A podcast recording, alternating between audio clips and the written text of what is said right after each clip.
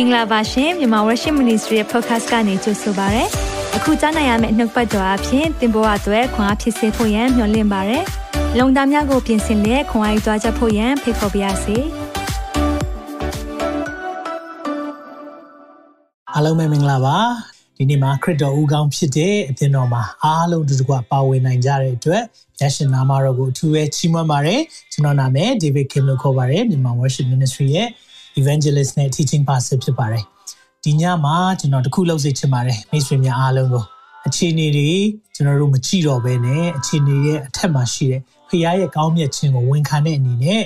ဘုရားသခင်ကောင်းမြတ်ပါတယ်မြန်မာနိုင်ငံအပေါ်မှာလို့အားလုံးဝန်ခံပေးပါအောင်ကျေးဇူးပြု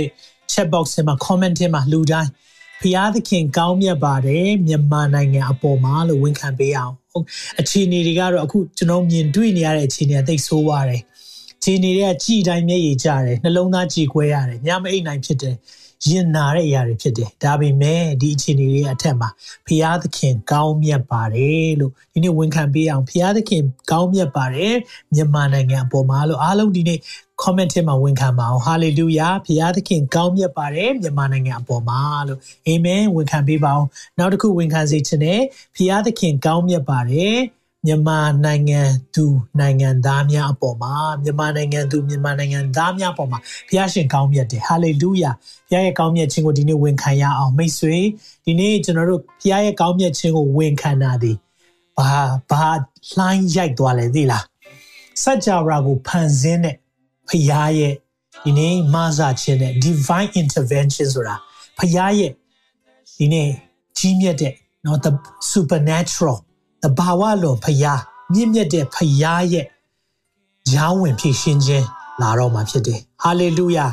ဒီနေ့မျော်လင့်လျက်နဲ့အသက်ရှင်မယ်ဒီနေ့မှာအောင်မြင်ခြင်းလာမယ်အဲ့ဒီဒီနေ့လို့ပြောတဲ့အရာအဝေးကြီးမဟုတ်တော့ဘူးယုံကြည်ပါတယ်ယုံကြည်ခြင်းနဲ့ဒီနေ့လေကျွန်တော်ဝန်ခံတယ် ဖျားရှင်ကောင်းမြတ်တယ်မြန်မာနိုင်ငံအပေါ်မှာဖျားရှင်ကောင်းမြတ်ပါတယ်မြန်မာနိုင်ငံအပေါ်မှာဖျားရှင်ကောင်းမြတ်ပါတယ်မြန်မာနိုင်ငံအပေါ်မှာအာမင်ဖျားရှင်ကောင်းမြတ်ပါတယ်တိုင်းရင်းသားလူမျိုးများအပေါ်မှာသုံးခေါဝန်ခံရအောင်ဘုရားသခင်ကောင်းမြတ်ပါတယ်တိုင်းရင်းသားလူမျိုးများအပေါ်မှာဘုရားသခင်ကောင်းမြတ်ပါတယ်တိုင်းရင်းသားလူမျိုးများအပေါ်မှာဘုရားသခင်ကောင်းမြတ်ပါတယ်တိုင်းရင်းသားလူမျိုးများအပေါ်မှာဟာလေလုယာဒီနေ့ဘုရားရဲ့လမ်းပြခြင်းရှိတယ်ဘုရားရဲ့ကြွယ်ကာခြင်းရှိတယ်အခြေအနေတစ်ခုကိုတစ်ခုချိန်မှာကြည့်တဲ့ချိန်မှာတော့ဒါက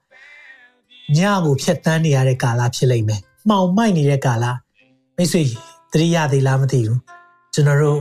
တမန်တော်16မှာရှင်ပေါလုံးနဲ့သီလသကောင်ရံအချိန်ဆိုတာအဲ့ဒီသကောင်ရံအချိန်အဒီအချိန်ပဲသကောင်ရံအချိန်မှောင်မိုက်ဆုံးအချိန်သကောင်ရံအချိန်ဆိုတာလမ်းမမြင်တဲ့အချိန်သကောင်ရံအချိန်ဆိုတာကဘာလုပ်လို့ဘာကန်ရမှမသိတော့တဲ့အချိန်မှာပထနာပြုလက်ချီးမွမ်းတယ်တဲ့ဟာလေလုယာ ပထနာပြုလက်ချီးမွမ်းတဲ့အတန်လာတဲ့အခါမှာဘာဖြစ်သွားလဲဒီနေ့ဖခင်ရဲ့ကယ်မခြင်းလာတယ်ချုပ်နှောင်ခြင်းတွေချင်းကျိုးတွေပြုတ်သွားမယ်ဟာလေလုယာဒီနေ့ယုံကြည်ပါကျွန်တော်တို့ကယုံကြည်ခြင်းနဲ့ဝန်ခံနေတာဖြစ်တယ်။ဘာကြောင့်လဲကျွန်တော်တို့ခွန်အားနဲ့မတက်နိုင်တော့ဘူးဒီအချိန်မှာအားလုံးကျွန်တော်တို့ကဖျားရှိမှလက်မြောက်ထားမယ့်အချိန်ဖြစ်နေပြီအားလုံးလည်းမတက်နိုင်ကြောင်းကိုဝန်ခံနေတယ်ဒါပေမဲ့အသက်ရှင်တဲ့သာရဖျားရဲ့မဆာခြင်းနဲ့လမ်းပြခြင်းအမြန်မာနိုင်ငံပေါ်ရှိလာမယ်ဆိုတာကို ရေရဲကြီးကျွန်တော်တို့ဝန်ခံရအောင်ဟာလေလုယာဝန်ခံသွားကြတဲ့သားသမီးများပေါ်မှာဖျားရှင်အထူးကောင်းချီးပေးပါစေဖျားရှင်ကောင်းမြတ်တယ်အာမင်ဖျားခင်ကောင်းမြတ်တယ်ဖခင်ရဲ့အလိုတော်ဝန်ခံတာမလွယ်ဘူးလုံးဝမလွယ်ဘူးဒါပေမဲ့အဲ့ဒီအလိုတော်ဝန်ခံတယ်လို့ပြောတဲ့အခါမှာကျွန်တော်တို့က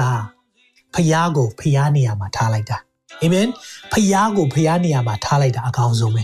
ကျွန်တော်တို့ကဖခင်နေရာမှာဝင်ပြီးတော့ ဖြည့်ရှင်းပေးခြင်းတဲ့အချိန်တွေအများကြီးရှိတယ်ကိုတော်ဘာကြောင့်မစီရင်သေးတာလဲကိုတော်ဘာကြောင့်မလို့အလုံးမလုပ်သေးတာလဲကိုတော်ဘာကြောင့်ကျွန်တော်တို့ဖျားပေါ်မှာမေးခွန်းနေနဲ့တန်တရားတွေဝင်လာဖို့စာတန်ကကျွန်တော်တို့ကိုတိုက်ခိုက်တယ်အဲကြောင့်ဒီနေ့နှုတ်ကပတ်တော်က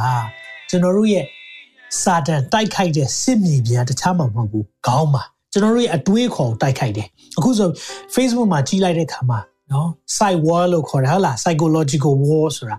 တကယ်ကိုဒီနေ့ ကြောက်အောင်ခြောက်တဲ့အရာတွေတွေ့နေရတယ်ရိုက်မယ်ပေါ့နှိပ်စက်မယ်ပေါ့ဒီနေ့ဖခင်ရဲ့ကြွယ်ကာခြင်းနဲ့ဖခင်ရဲ့လမ်းပြခြင်းဒီနေ့ရှိမယ်ဆိုတာကိုဝန်ခံရအောင်ဟာလေလုယာဘာကြောင့်လဲဒီနေ့မင်းမဲ့စရိုက်မဟုတ်ဘူးမင်းရှိတယ်ဘယင်တကာတို့ရဲ့ဘယင်အရှင်တကာတို့ရဲ့အရှင်ရှိတယ်ဒီနေ့ဘုရားထံမှာအော်ဟစ်လျက်ငိုကြွေးလျက်ဘုရားထံမှာအကူအညီတောင်းရအောင်ဟာလေလုယာဒတို့တွေမျော်လင့်လျက်နဲ့ဒီနေ့သွားမယ် ဒီနေ့မှာအောင်မြင်ခြင်းလာမယ်ဟာလေလုယာသခင်ဖျားထံ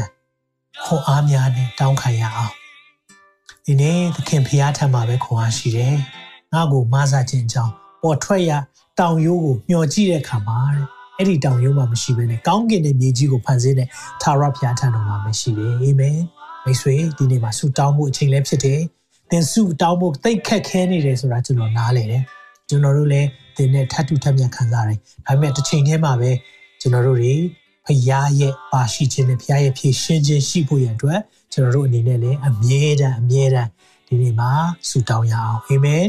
သင်ဖို့စီတွေ့လို့เนาะရင်သားစရာတွေ့ရဆိုရင်ဖရားရဲ့ဖြည့်ရှင်းခြင်းကိုတောင်းခံလိုက်ပါအဲ့ဒီအချိန်မှာပဲဖခင်နော်နာကျင်စွာခံစားနေရတဲ့သူတွေကိုတွေ့တဲ့အခါမှာဖခင်ရဲ့နှစ်သိမ့်ခြင်းနဲ့ဖခင်ရဲ့ကုသခြင်းရှိဖို့ဆုတောင်းပေးရအောင်ဟာလေလုယာဒီနိုင်ငံတော်မှာဖြစ်ပျက်နေတဲ့အရာတွေအားလုံးခြုံငိမ့်မဲ့အချိန်ရောက်လာလိမ့်မယ်အာမင်။ဘာကြောင့်လဲ ဒီနေ့သခင်အုပ်ဆိုးတဲ့နေရာမှာဘယ်မောင်မိုက်တကူမှအုပ်ဆိုးခွင့်မရှိဘူး။ဟာလေလုယာဒါကြောင့်မလို့ငြိမ်သက်ခြင်းအရှင်ငြိမ်သက်ခြင်းအရှင်မြမပြီကိုအုပ်ဆိုးပါလို့ဝန်ခံပေးပါအောင်ငြိမ်သက်ခြင်းအရှင်မြန်မာပြည်ကိုအုပ်ဆိုးပါလို့ဒီနေ့မှာ comment မှာဝန်ခံပေးပါဦး Prince of Peace ငြိမ်သက်ခြင်းအရှင်မြန်မာပြည်ကိုအုပ်ဆိုးတော်မူပါလို့ဝန်ခံရအောင်အာမင်ဘုရားသခင်ကျွန်တော်တို့မြန်မာနိုင်ငံကိုပုံမှာသိကောင်းမြတ်တယ် ကျွန်တော်မြန်မာပြည်သားတွေကိုသိချစ်တယ်ဒီနေ့ဒီအချိန်ကြီးကြုံရတယ်ကျွန်တော်တို့စာမွေးဖြည့်နေရတယ်ဒါပေမဲ့ယုံကြည်ခြင်းတင်ဖို့မပြည့်ရအောင်ဒီနေ့ကျွန်တော်တို့ယုံကြည်ခြင်းတိုင်းလွှားတွေကင်ဆွဲထားရအောင်ဒီနေ့သင်မကင်ဆွဲထားနိုင်ရင်ကျွန်တော်မြောက်ထားပေးမယ်ကျွန်တော်မကင်နိုင်တော့တဲ့အခြေအနေရှိလာရင်သင်မြောက်ထားပေးပါအဲကြောင့်မလို့အားလုံးယုံကြည်ခြင်းတိုင်းလွှာတွေကင်ထားတဲ့အခါမှာမာနဖြစ်ခတ်တဲ့ဤဆက်လက်တွေကိုကာနိုင်မှာဖြစ်တယ်ဟာလေလုယာအဲကြောင့်ဒီနေ့မှာကျွန်တော်တို့ freedom from fear ကြောက်ရွံ့ခြင်းမှာလွတ်မြောက်ခြင်းလို့ဆိုရဲ series သွားနေတာနောက်ဆုံးပိုင်းဖြစ်တယ်ရှင်းလင်းသောစိတ်ဒီနေ့ရှင်းလင်းသောစိတ်ကြောင့်ပြောမယ်ရှင်းလင်းသောစိတ်ဒီအချိန်မှာကျွန်တော်တို့ဘလောက်ထိရှင်းလင်းသောစိတ်လိုအပ်တယ်လူတိုင်းလိုအပ်တာရှင်းလင်းသောစိတ်သိလိုအပ်တဲ့အချိန်ဖြစ်နေတယ်။အဲကြောင့်မိတ်ဆွေကိုဒီနေ့မှာကျွန်တော်ရှင်းလင်းသောစိတ်ရနိုင်မဲ့နီလန်းလေး၅ခုပေးချင်တယ်။ဘာကြောင့်လဲဆိုတော့ဒါဖခင်ကျွန်တော်တို့ကိုပေးတဲ့ message ဖြစ်တယ်။ ကျွန်တော်လည်းမိတ်ဆွေလိုပါပဲ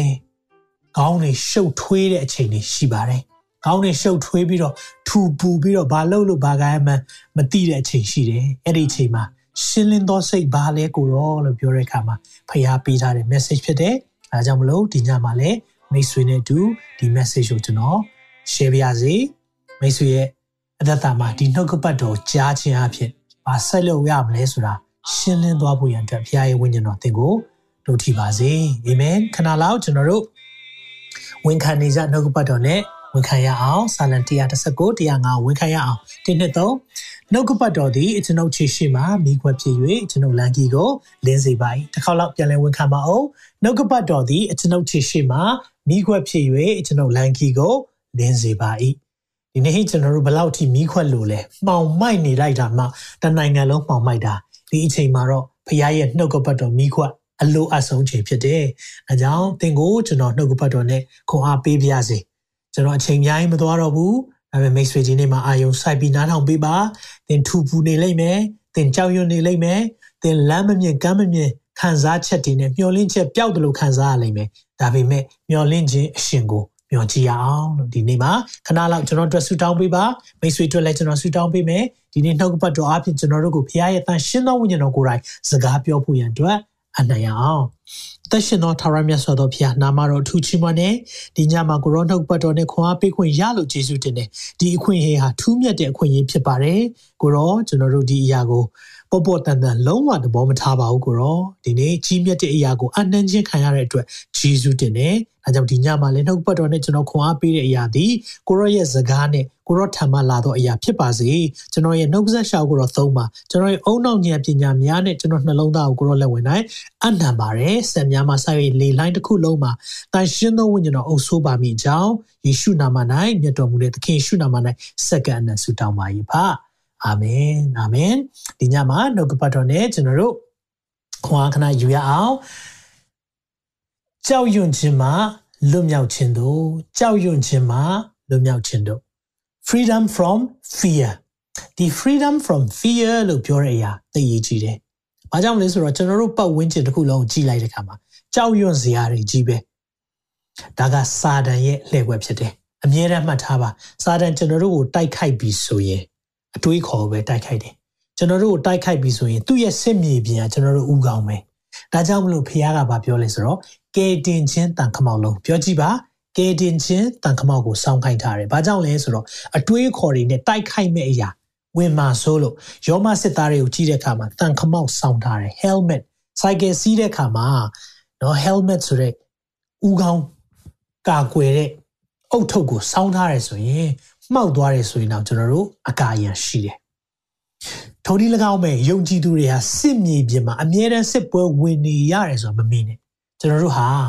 ယုံကြည်ခြင်းစစ်ပွဲထဲမှာအမြဲတမ်းသွားနေရတယ်။စာတန်ကသူ့ရဲ့ဒုတာဝန်အရေးသုံးပါဆိုပြီးစာတန်ကသူကစာတန်တာဝန်အရေးသုံးပါရှိတယ်။ခိုးမယ်၊တတ်မယ်၊ဖျက်ဆီးမယ်။ခိုးမယ်၊တတ်မယ်၊ဖျက်ဆီးမယ်။ဒီနေ့ဒါကဖျားစီကလာတာမဟုတ်ဘူး။ခိုးမယ်၊တတ်မယ်၊ဖျက်ဆီးမယ်။အခု သတင်းတွေကြည့်လိုက်ပါ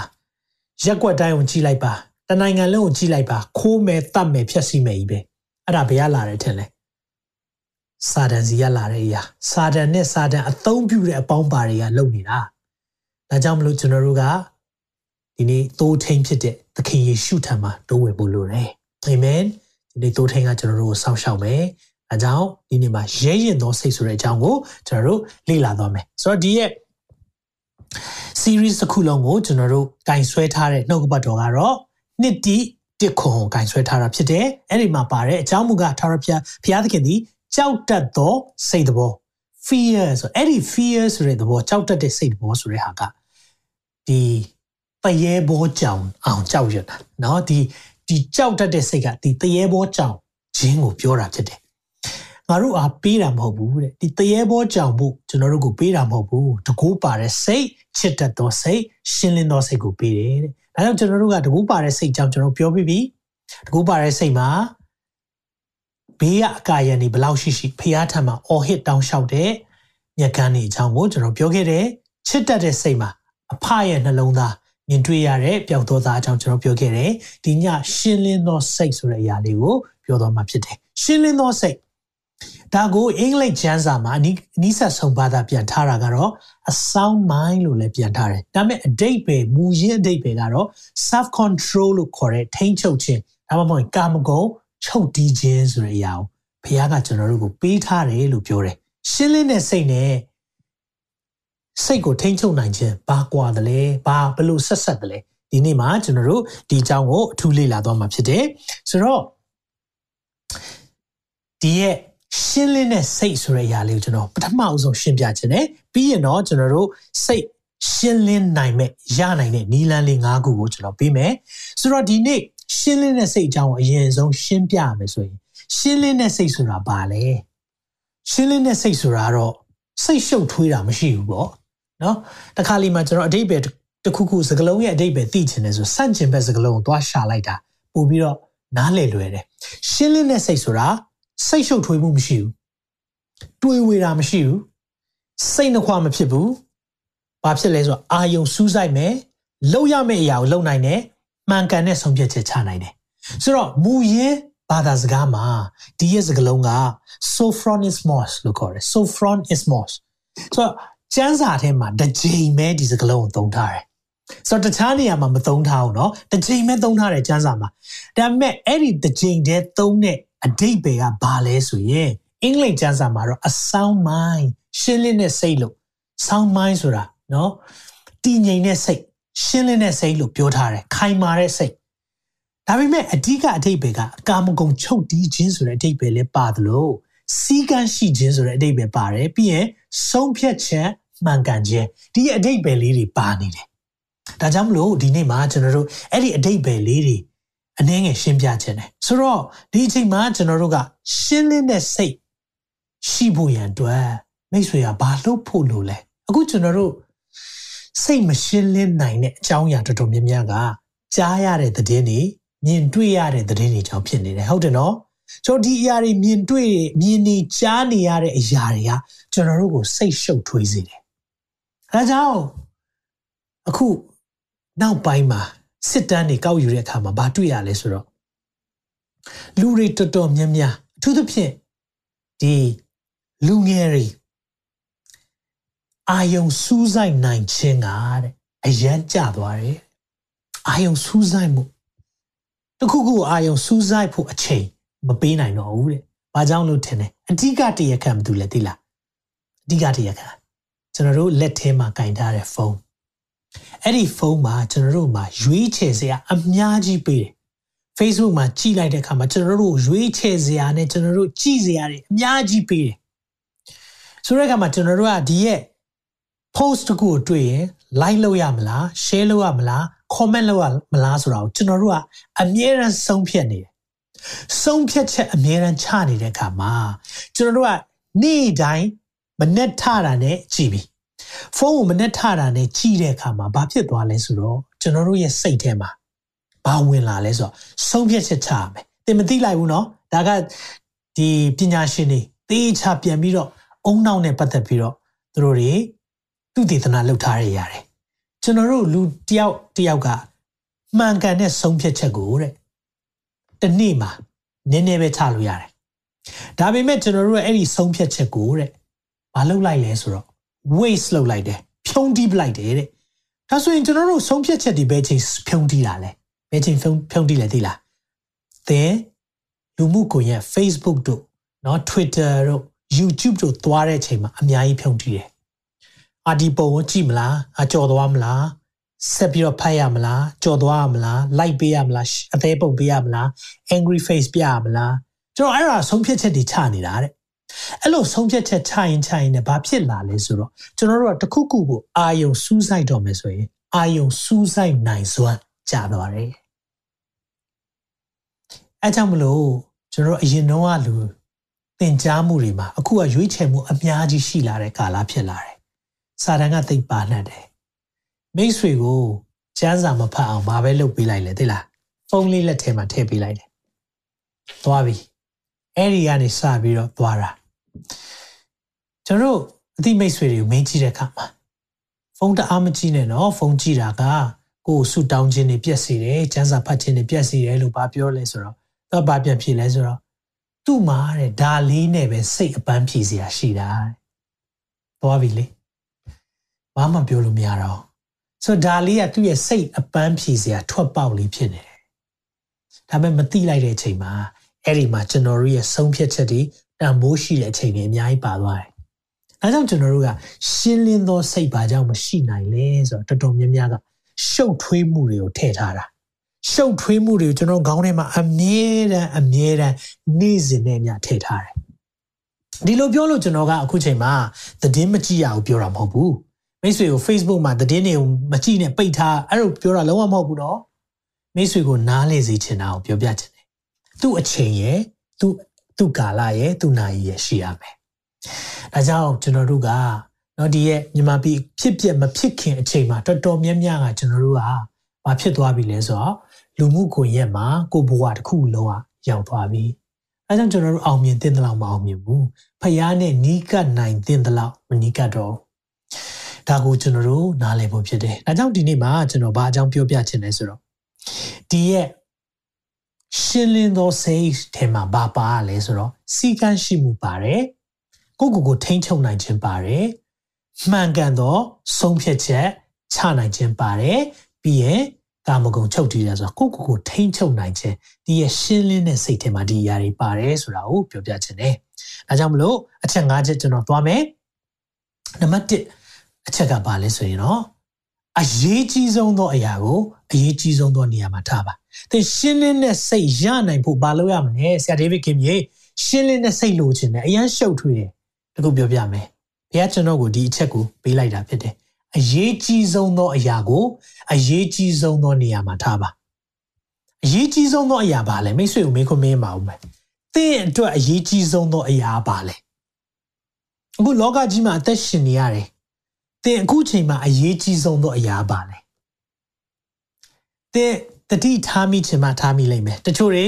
ဖြေကြလိမ့်မယ်ကျွန်တော်တို့အရေးကြီးဆုံးကဖះနဲ့အချိန်ယူခြင်းမှာမိသားရဖွဲ့ခြင်းမှာဖះဖြစ်တယ် God is my first လို့ပြောပြီးမဲ့တော်တော်များများကျွန်တော်တို့ရဲ့ကိုပေးလိုက်တဲ့အချိန်ရဲ့ကိုသုံးလိုက်တဲ့ပတ်စံဘယ်နေရာရောက်တယ်လဲဆိုတာသင်ရဲ့အရေးကြီးဆုံးရောအရာကိုဖော်ပြတယ်။ ဒါကြောင့်အကျင့်ရက်၌သင်တို့ဘန္နာရှိ၏ထို့အရက်၌သင်တို့စိတ်နှလုံးရောက်တယ်တဲ့။ပြောချင်တာပါလဲဆိုသင်သုံးဆွဲတဲ့အရာအများဆုံးကပါလဲ။နော်ကျွန်တော်ပြောချင်တာအိမ်လာကားတို့ဘာလို့ပြောတာမဟုတ်ဘူးနော်။တတလားတလားဝင်ဝင်ဝင်လာတယ်။သင်သုံးဆွဲတာပဲမှာလဲ။တချို့တွေဖနှက်ဝယ်တယ်။တချို့တွေ shopping တိတ်သွားတယ်။တချို့တွေအစားအသောက်မှာသုံးတယ်။တချို့တွေနောက်ဆုံးပေါ်ပစ္စည်းမှာသုံးတယ်။တချို့တွေဖျားနိုင်ငံတော်တွေ့သွားတယ် ဆိုတော့သင်ရဲ့အရေးကြီးဆုံးသောအရာဘယ်နေရာမှာလဲလို့သိချင်ရင်ကိုသုံးဆွဲတဲ့ငွေကြေးကိုကြည့်လိုက်ကြည့်လိုက် bank statement ကိုထုတ်ပြီးတော့ကြည့်ကြည့်လိုက်ဘယ်နေရာအများဆုံးသွားသလဲ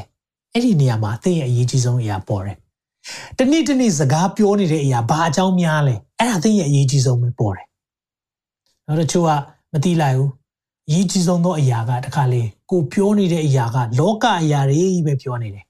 လောကမှာအသက်ရှင်တဲ့အခါမှာနေမဲ့နေရာတို့အိမ်တို့ကိုချမ်းတို့ဒီကိစ္စတွေပဲပြောနေတယ်ဆိုရင်သင်ရဲ့အရေးကြီးဆုံးဟာ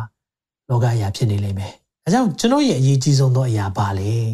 ။ကျွန်တော်အတွက်အရေးကြီးဆုံးသောအရာကဖခင်နဲ့မိသားအရာဖွဲ့ခြင်းပဲ။ကျွန်တော်သင်ကိုလည်းဒီတိုင်းဖြစ်စေချင်တယ်။သင်ရဲ့အရေးကြီးဆုံးသောအရာဟာဖခင်နဲ့မိသားအရာဖွဲ့ခြင်းဖြစ်ပါစေ။သင်ရဲ့အရေးကြီးဆုံးသောအရာဟာဖုန်းနဲ့မိသားအရာဖွဲ့ခြင်းမဖြစ်ပါစေနဲ့။ မနဲ့ထတာနဲ့မိုးလင်းတာနဲ့ thank you jesus ကိုရော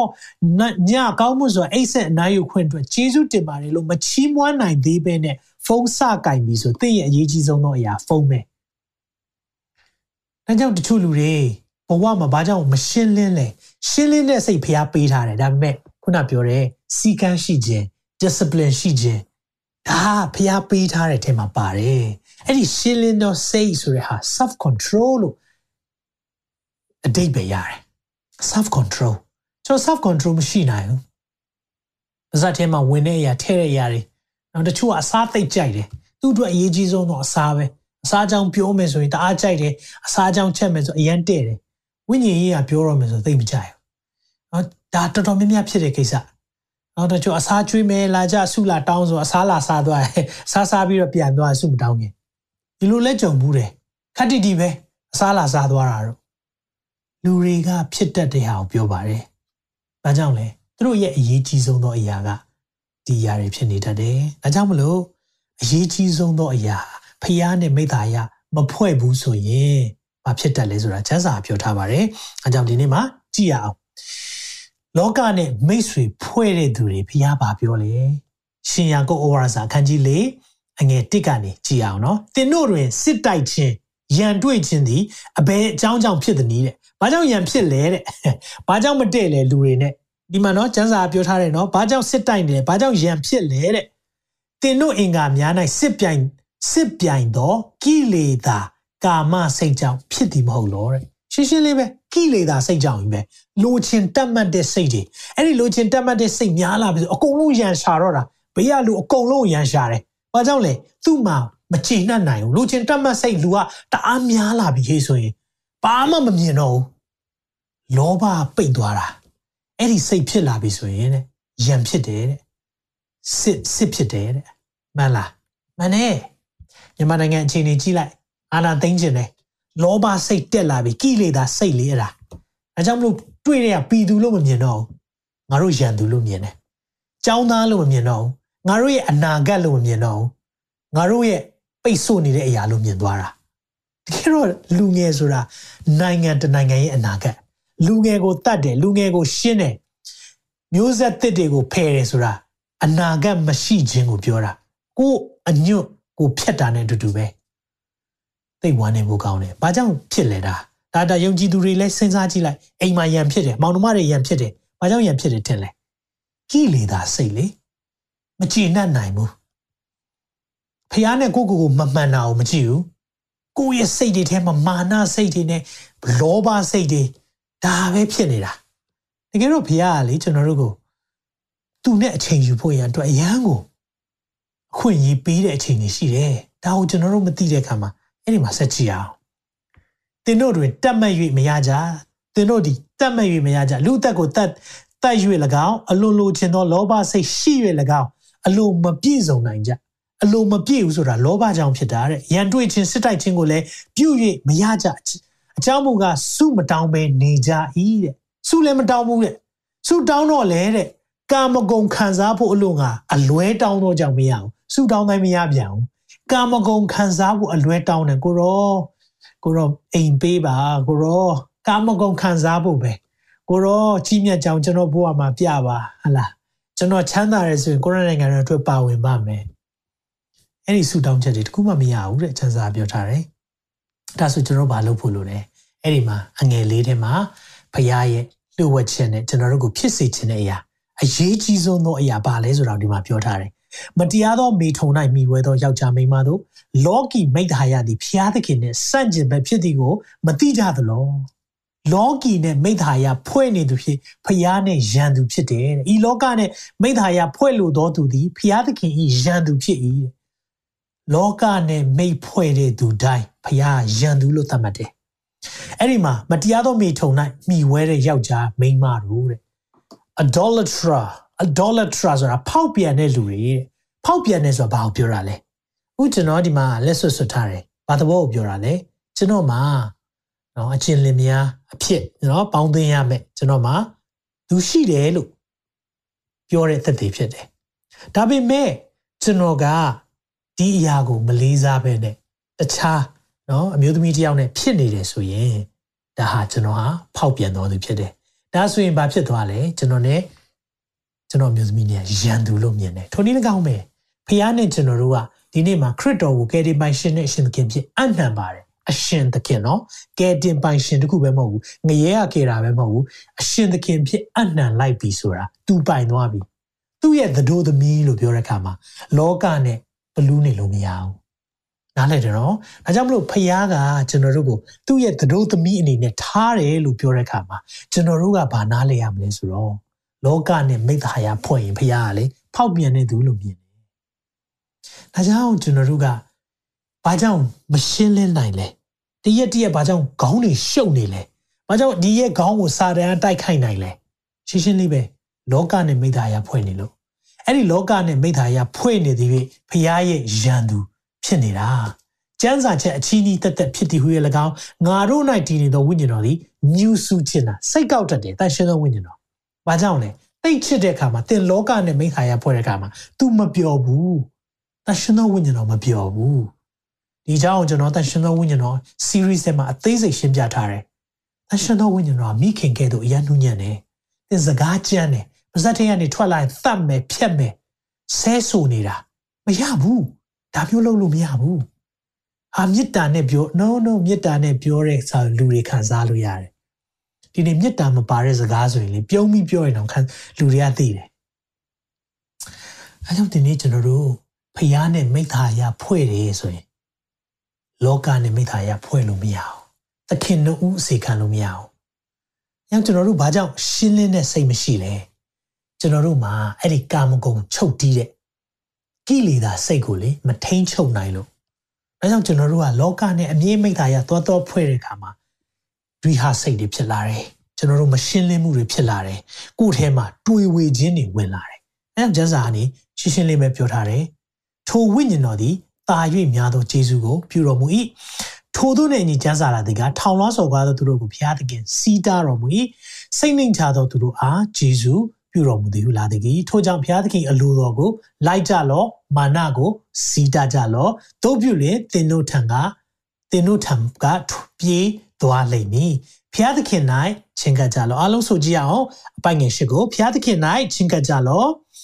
တို့ပြုလင်သင်တို့၌ချင်းကပ်တော်မူမည်ဟာလေလုယာဖျားသခင်၌ချင်းကပ်ပါသင်အနေနဲ့အရင်ဆလာရတယ်ဖျားသခင်၌ချင်းကပ်အဲ့ဒီအချိန်မှာဖျားသခင်ကလည်းသင်တို့၌ချင်းကပ်မယ်တဲ့ ဒါပေမဲ့အဲ့ဒီနောက်မှာကျွန်တော်တို့ကိုတခါတည်းသတိပေးတဲ့စကားပြောထားတယ်အပြစ်ရှိသောသူတို့သင်တို့လက်ကိုစင်ကြယ်စေကြလောစိတ်နှကွာရှိသောသူတို့သင်တို့စိတ်နှလုံးတန်ရှင်းစေကြလောတွေ့လားဖျားနဲ့လာပြီးဟေးလို့ပြောတဲ့ခါမှာကျွန်တော်တို့လောကနဲ့မိသားရဖွဲ့လို့မရဘူးလောကီနဲ့မိသားရဖွဲ့ခြင်းဆိုတာဘာလဲဒီနေ့အရေးကြီးဆုံးသောအရာကိုအရေးကြီးဆုံးသောနေရာမှာမထားဘူးဖျားနဲ့မိသားရဖွဲ့ခြင်းအရေးကြီးဆုံးပဲဒါကြောင့်မနဲ့ထတာနဲ့တင်ဘသူနဲ့မိသားရဖွဲ့လဲ အဲ့ဒီမိခွန်းကအရေးကြီးသွားပြီထတာနဲ့ဖုန်းနဲ့မိသားရဖွဲ့ရင်တော့ sorry ပဲမိတ်ဆွေ သင်ရှင်းလင်းတဲ့စိတ်ဘယ်တော့မှရမှာမဟုတ်တွေ့ဝေတဲ့စိတ်လာမယ်သင် good judgment เนาะဆုံးဖြတ်ချက်မှန်ကန်တဲ့ဆုံးဖြတ်ချက်တွေချနိုင်ဖို့ဒီသင်တနေ့တနေ့ချရတဲ့ဆုံးဖြတ်ချက်အများကြီးထဲကနေဒီနေ့ကောင်းမွန်တဲ့ဆုံးဖြတ်ချက်ချလို့ရတာနည်းနည်းပဲရှိတယ် waste မလုပ်ပါနဲ့ waste မလုပ်ပါနဲ့အဲကြောင့်အဲ့လိုပြောလို့ Facebook မကြည့်ရတော့ဘူးလားဆ ရာရဲ့သတင်းတွေမကြည့်ရတော့ဘူးလားသူ့အချိန်နဲ့သူရှိရအောင်ဒါပေမဲ့ကျွန်တော်တို့ Facebook နဲ့လူမှုကွန်ရက်တွေကြီးတဲ့အချိန်ဟာဖျားနဲ့အချိန်ပေးတဲ့အချိန်နဲ့ပိုများပြီဆိုရင်တော့လောကီနဲ့မိသားရဖွဲ့တာဒါကြောင့်ကျွန်တော်တို့ကတွေ့ဝေစိတ်တွေစိတ်နှခွတွေဒီရှုပ်ထွေးခြင်းတွေဟာဖြစ်နေတာအဲကြောင့်ဘုရားကကျွန်တော်ပြောတယ်ကျွန်တော်လည်းဖြစ်နေတာဒီနေ့မိတ်ဆွေကိုပြောရမထင်နဲ့နော်ဒီနေ့ကျွန်တော်ကိုကျွန်တော်လည်းပြောနေတာဘာကြောင့်လဲဆိုတော့ ကျွန်တော်ဒီတလောမှာတအားစိတ်ရှုပ်ထွေးမှုဖြစ်တယ်တရင်ကြီးကြီးလိုက်တဲ့အခါမှာဘာဖြစ်လာလဲဖះနဲ့အချိန်ယူရမယ့်အချိန်တွေကစိတ်ညစ်တဲ့အချိန်တွေစိတ်တူတဲ့အချိန်တွေဒေါသထွက်တဲ့အချိန်တွေဖြစ်လာတယ်။ဒီအချိန်မှာဘုရားကပြောလဲ။ဒါအရေးကြီးဆုံးသောအရာမင်းဘဝမှာပါလဲ။ဒါအရေးကြီးဆုံးသောအရာမင်းဘဝမှာပါလဲ။အဲ့ဒီအချိန်မှာကျွန်တော်သဘောပေါက်သွားတယ်။ ကိုရောကိုရောနဲ့မိသားရဖွဲ့ခြင်းကျွန်တော်တို့အရေးကြီးဆုံးပါ။အဲ့ဒါနဲ့ကျွန်တော်ဒီနှုတ်ကပတ်တော်ဟောဖို့ကျွန်တော်ပြင်ဆင်တဲ့အချိန်မှာကျွန်တော်ခေါင်းတွေထုပူနေရှုပ်ထွေးနေတယ်ကိုရောကျွန်တော်ရှင်းလင်းတဲ့စိတ်အကြောင်းပြောမှာဘာကြောင့်ကျွန်တော်ကရှုပ်ထွေးတာလဲအဲ့ချိန်မှာဘုရားစကားပြောတယ်ဘာအရေးကြီးဆုံးလဲ အဲ့ဒါကျွန်တော်ချက်ချင်တာလေတော့အဲ့ဒါကျွန်တော်ပြန်လို့ကောက်ကင်လိုက်ပြီးတော့ကျွန်တော်ဘုရားကိုစချီးမွမ်းတယ်ကိုရောကျွန်တော်ဘဝမှာကိုရောနဲ့မိသားရဖွဲ့ခြင်းအရေးကြီးဆုံးပါအရေးကြီးဆုံးသောအရာကိုအရေးကြီးဆုံးသောနေရာမှာထားလိုက်ပါဖះနဲ့မိသားရဖွဲ့ခြင်းဟာတင့်အတွက်အရေးကြီးဆုံးဖြစ်ပါစေဖះနဲ့အချိန်ယူခြင်းဟာတင့်အတွက်အရေးကြီးဆုံးဖြစ်ပါစေဆုတောင်းခြင်းဟာတင့်အတွက်အရေးကြီးဆုံးဖြစ်ပါစေ နှုတ်ကပတ်တော်ကျမ်းစာဖတ်ခြင်းစင်ကြင်ခြင်းဟာတင့်ဘဝအတွက်အရေးကြီးဆုံးသောအရာဖြစ်ပါစေကြံတဲ့အရာတွေသူ့နေရာနဲ့သူ့ဟာကြာသွားလိမ့်မယ်ဟာလေလုယာအရေးကြီးဆုံးသောအရာကိုရေးကြီးဆုံးသောနေရာမှာထားဖို့ဘုရားလိုတော့ရှိတယ်။ဒါဆိုရင်ဘာဖြစ်မလဲ။ဘုရားကရှိတော့မှကိုကိုကိုနှိတ်ချရဲဆိုရင်ချီးမြှောက်မယ်။ဒီနေ့ဘုရားကိုအရေးကြီးဆုံးသောနေရာမှာထားတဲ့သူဟာ automatic ကိုကိုကိုနှိမ်ချတော်သူဖြစ်တာ။ အဲကြောင့်မလို့ဘုရားကအဲ့ဒီသူတွေကိုချီးမြှောက်ခြင်းလေ။ hallelujah hallelujah ဒီနေ့ဒါကြောင့်နံပါတ်1ချက်အရေးကြီးဆုံးသောအရာကိုအရေးကြီးဆုံးသောနေရာမှာထားပါ။ကဲနံပါတ်1ချက်အနှောက်အယှက်တွေကိုဖယ်ရှားပါနော်ခုနကျွန်တော်တို့ရှင်းလင်းသောစိတ်ရဲ့အတိတ်ဘယ်ထဲမှာစီကံရှိခြင်းရဲ့ control self control ဆိုရယ်ကိုကိုကိုထိန်းချုပ်နိုင်ခြင်းလည်းပါတယ်ဆိုတော့တခြားလူတွေတော့မသိဘူး ကျွန်တော်ကလွယ်လွယ်ကူကူအနှောက်အယှက်ဖြစ်လွယ်တယ်နော်ကျွန်တော်တခုခုအာယုံစိုက်နေတဲ့အချိန်မှာဘေးကအသံကြားတာတော့ music ဖွင့်တာတော့တခုခုဖြစ်ကျွန်တော်စိတ်ကအာယုံပြန့်လွယ်တယ်ခဏလေးပဲကျွန်တော်အာယုံပြန့်လွယ်တယ်အဲကြောင့်ကျွန်တော်စာဖတ်ပြီးကျွန်တော်ကျမ်းစာပြင်ဆင်တယ်ဖះနဲ့အချိန်ယူပြီးဆိုရင်ကျွန်တော်တီးတန့်တယောက်တည်းနေဖို့လိုတယ်အဲကြောင့်ကျွန်တော်တခါလေးမှာ library သွားတဲ့အချိန်ရှိတယ်တခါလေးမှာအိမ်မှာကျွန်တော်တီးတန့် တယောက်တည်းအခန်းထဲမှာနေတဲ့အချိန်ရှိတယ်အဲ့အချိန်မှာဘာဖယ်ရလဲသိလားဖုန်းဖယ်ထားရတယ်အခုကျန်းစာဖတ်နေတဲ့အချိန်မှာအဲ့ဒီ notification လေချိန်လုံးတခုခု notification ဆိုတာဟာလားတရားရအသိပေးတဲ့ဟာပေါ့ဘယ်သူက comment လုပ်သွားပြီဘယ်သူကလုပ်သွားပြီဘယ်သူကစာရေးပါတယ်ဘယ်သူမွေးနေပါတစ်ချိန်လုံးဖုန်းကလေအသိပေးတယ်အဲ့ဒါတွေဖယ်ဖို့လိုတယ်ရှင်းလင်းသောစိတ်ရှိဖို့ဒီအရာတွေဖယ်ဖို့လိုတယ် မလိုအပ်တဲ့ notification တွေ short လိုက်တော့ဖယ်ထားလိုက်တော့လူတိုင်းရေးတဲ့အရာတိုင်းအောင်သင်တုံ့ပြန်စရာမလိုဘူးတင့်မှာအလောက်ချိန်မရှိဘူးကျွန်တော်မှာအလောက်ချိန်မရှိဘူးဒါကြောင့်တင့်ကိုဒီနေ့မှာအနှောက်အယှက်တွေဖယ်ရှားဖို့နောက်တစ်ခါလေတချို့အရာလေးတွေကကျွန်တော်တို့အရေးကြီးတယ်လို့ထင်ရတဲ့အရာလေးတွေရှိတယ်နော်ကျွန်တော်တို့ဖုန်းမရှိဘဲလဲအသက်ရှင်ခဲ့ပြီးပါပြီနော်အခုဖုန်းရှိမှပဲဟာအခုဆိုရင်ね နော်အခု phobia ဆိုကြောက်တဲ့စိတ်ထဲမှာတခုကဘာပါလဲဆိုတော့ဖုန်းပျောက်မှာကိုကြောက်တဲ့လူတွေအများကြီးပါတယ်တဲ့ဖုန်းပျောက်မှာဆိုတော့ဒီသူများခိုးသွားလို့ပျောက်တာမဟုတ်ဘဲနဲ့ဖုန်းမကင်လိုက်ရရင် feeling of missing out ဆိုတာတခုခု miss out ပေါ့ဟိုလွတ်သွားမှကြောက်တဲ့စိတ်ပေါ့နော်အဲ့ဒါပြောရင်တော့ပုံမှန်တယ်လွတ်သွားမှကြောက်တယ်တဲ့တခုခုဟာငါငါဖုန်းမကြည့်လိုက်ဘူးဆိုရင်တခုခုလွတ်သွားမလားလွတ်သွားမလားအဲ့ဒီစိတ်လူတွေမှာအရန်ဖြစ်နေပြီ အဲ့လိုဖြစ်တဲ့အခါမှာဘာဖြစ်လာလဲဆိုတော့ကျွန်တော် mind ကကျွန်တော်အုံနောက်ကအများကြီးထည့်လာရတယ်ကိုကိစ္စပဲမဟုတ်တော့တလောကလုံးเนาะအခု Facebook မှာတငယ်ချင်း9000ရှိရင်တငယ်ချင်း9000လုံးရဲ့ကိစ္စအားလုံးအကောင်းနဲ့ရောက်လာတယ်ဆိုဘယ်လိုလုပ်မလဲဒါတွေတအားများလာတဲ့အခါမှာကျွန်တော်အဲ့ဒီအနောက်ရှက်လေးတွေဖယ်ဖို့လိုတယ် eliminate destruction destruction တွေကိုဖယ်ပါ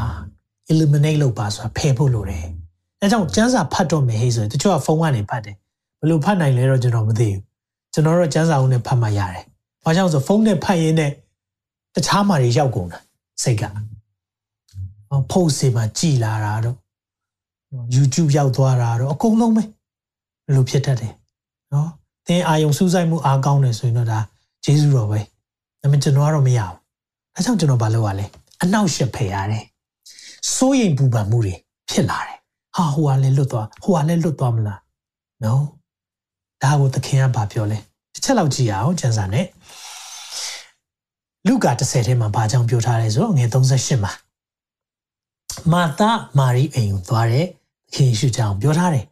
အဲဒီမှာ38ကနေဖတ်ပါမယ်ယေရှုသည်ဘဲတော်တို့နဲ့ခီးသွားကြစဉ်ရွာတီရွာသို့ဝင်တော့မာသအမည်ရှိသောမိမတူသည်မိမိအိမ်၌ကိုရောကိုဧခံလေ၏ ထိုမိမ၌မာရိအမည်ရှိသောညီမတစ်ယောက်ရှိထိုမာရိသည်ယေရှု၏ခြေရင်းတော်၌ထိုင်၍စကားတော်ကိုနားထောင်လျက်နေ၏မာမာရိကသခင်ယေရှုရဲ့ခြေရင်းမှာစကားတော်နားထောင်တယ်တနည်းအားဖြင့်နှုတ်ကပတ်တော်ကိုဆင်ခြင်နေတယ်မာသမူကလှုပ်ကြွေးခြင်းအမှုများ၌စိတ်ပူပန်ခြင်းရှိသဖြင့်အထံတော်သို့ချင်းကပ်၍သခင်ကျမကျမကျမဤညီမသည် ကျမတယောက်တည်းလှုပ်ကြွေးစေခြင်းက ကျမကိုပြစ်ထားသည့်အရာကိုလစ်လျူသောစိတ်ရှိတော်မူသလောသူသည်ကျမကိုကူညီမှုကူညီမိအကြောင်းအမိန်တော်ရှိတော်မူပါဟုရှောက်တော်တယ်သူကသခင်ယေရှုနာတော်ကူညီသွားတောင်းလိုက်သေးတယ်ဟိုတယောက်ကနှုတ်ကပတ်တော်ဆင်ခြင်နေတာဒါပေမဲ့ तू ကကြွေးမွှေးမဲဘာကြွေးရင်ကောင်းမလဲနော်သခင်ယေရှုလာရင်လည်းအုပ်စုကတော့နည်းနည်းတောင်းတယ်နော်အနည်းဆုံးတော့73ယောက်နော်တပည့်တော်12ယောက်နဲ့ဆိုတော့73ယောက်လောက်တော့အနည်းဆုံးပါလာလိမ့်မယ်နော်ဒါတောင်မှတကယ် တပည့်တော်တွေပဲရှိသေးတယ်ကျန်တဲ့လူတွေလိုက်လာမယ်ဆိုအုပ်စုကများမှာပဲအဲ့လိုများတဲ့အချိန်မှာတဲ့ဘာလုပ်ရလဲဆိုတော့ तू လဲပြင်ဆင်ရတာပေါ့နော်ဒါပေမဲ့အဲ့ဒီအရာမှာတဲ့ဘာပြောလဲဆိုတော့လှုပ်ကြွေးခြင်းအမှုများ၌စိတ်ပူပန်ခြင်းရှိတယ်ဘာနဲ့အချိန်ကုန်လဲဆိုတော့ serving ဝန်ဆောင်မှုပေးခြင်းမှာအချိန်ကုန်တယ်ဝန်ဆောင်မှုပေးခြင်းမှာအချိန်ကုန်နေတဲ့အခါမှာကျမကိုကူညီဖို့ပြောပါဦးမာရီယိုတဲ့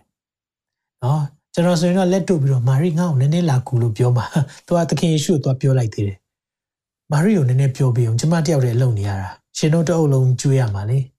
။မသခင်ပြောလိုက်တဲ့အရာမာသာမာသာနော်မာတမာတနှလုံးကျမ်းစာထဲမှာအဲ့လိုစကားလုံးနှလုံးသုံးနေဆိုရင်ဘာကိုပြောချင်တာလဲဆိုစာရေးတဲ့သူကစာဖတ်တဲ့သူကိုသတိပေးတယ်။မသတိပေးတာလဲဆိုဒီစကားလုံးဟာအရေးကြီးတယ်လို့ပြောတာ။အာမေဒိတ်စကားလုံးနဲ့တူတယ်။ တနည်းအားဖြင့်မာတမာတဒါမဲ့သခင်ယေရှုပြောတဲ့ဟာမာတအဲ့လိုပြောတဲ့စကားလုံးနော်။ဆိုတော့အင်္ဂလိပ်ကျမ်းစာချုပ်မှာဆို Dear Martha မာတရေတကယ်တော့အဲ့လိုပြောတာမဟုတ်မာတဆိုတော့ပြောချင်တာအာမေဒိတ်စကားနဲ့နည်းနည်းအဲအဖိအဖော့ပါတဲ့စကားလုံးပြောတာသင်သည်များစွာသောအမှုတို့၌စိုးရိမ်၍နှောက်ယှက်ခြင်းကိုခံရ၏အခုခေတ်စလုံးကနဲ့ပြောမယ်ဆိုရင်ဖုန်းခဏခဏသုံးနေတယ်လူသောအရာတစ်ခုတည်းရှိ၏ မာရိမူကကောင်းသောအဖို့ရွေးပြီးတဲ့ဒါဆိုမာရိဘာလုပ်လဲအပေါ်မှာပြန်ကြည့်လိုက်ပါခြေတော်ရင်းနိုင်ထိုင်၍စကားတော်ကိုနားထောင်လဲနေတယ်ဖခင်ရဲ့နှုတ်ကပတ်တော်ဆင်ခြင်နေတာမာမာတာအဲ့ဒါကိုကောင်းသောအဖိုးမာရိကရွေးသွားပြီဟေးလို့မာသကိုဘုရားပြောနေတယ်။ထိုအဖို့ကိုအဘယ်သူများမနှုတ်မယူရ။ဒါကိုဘယ်သူမှဘယ်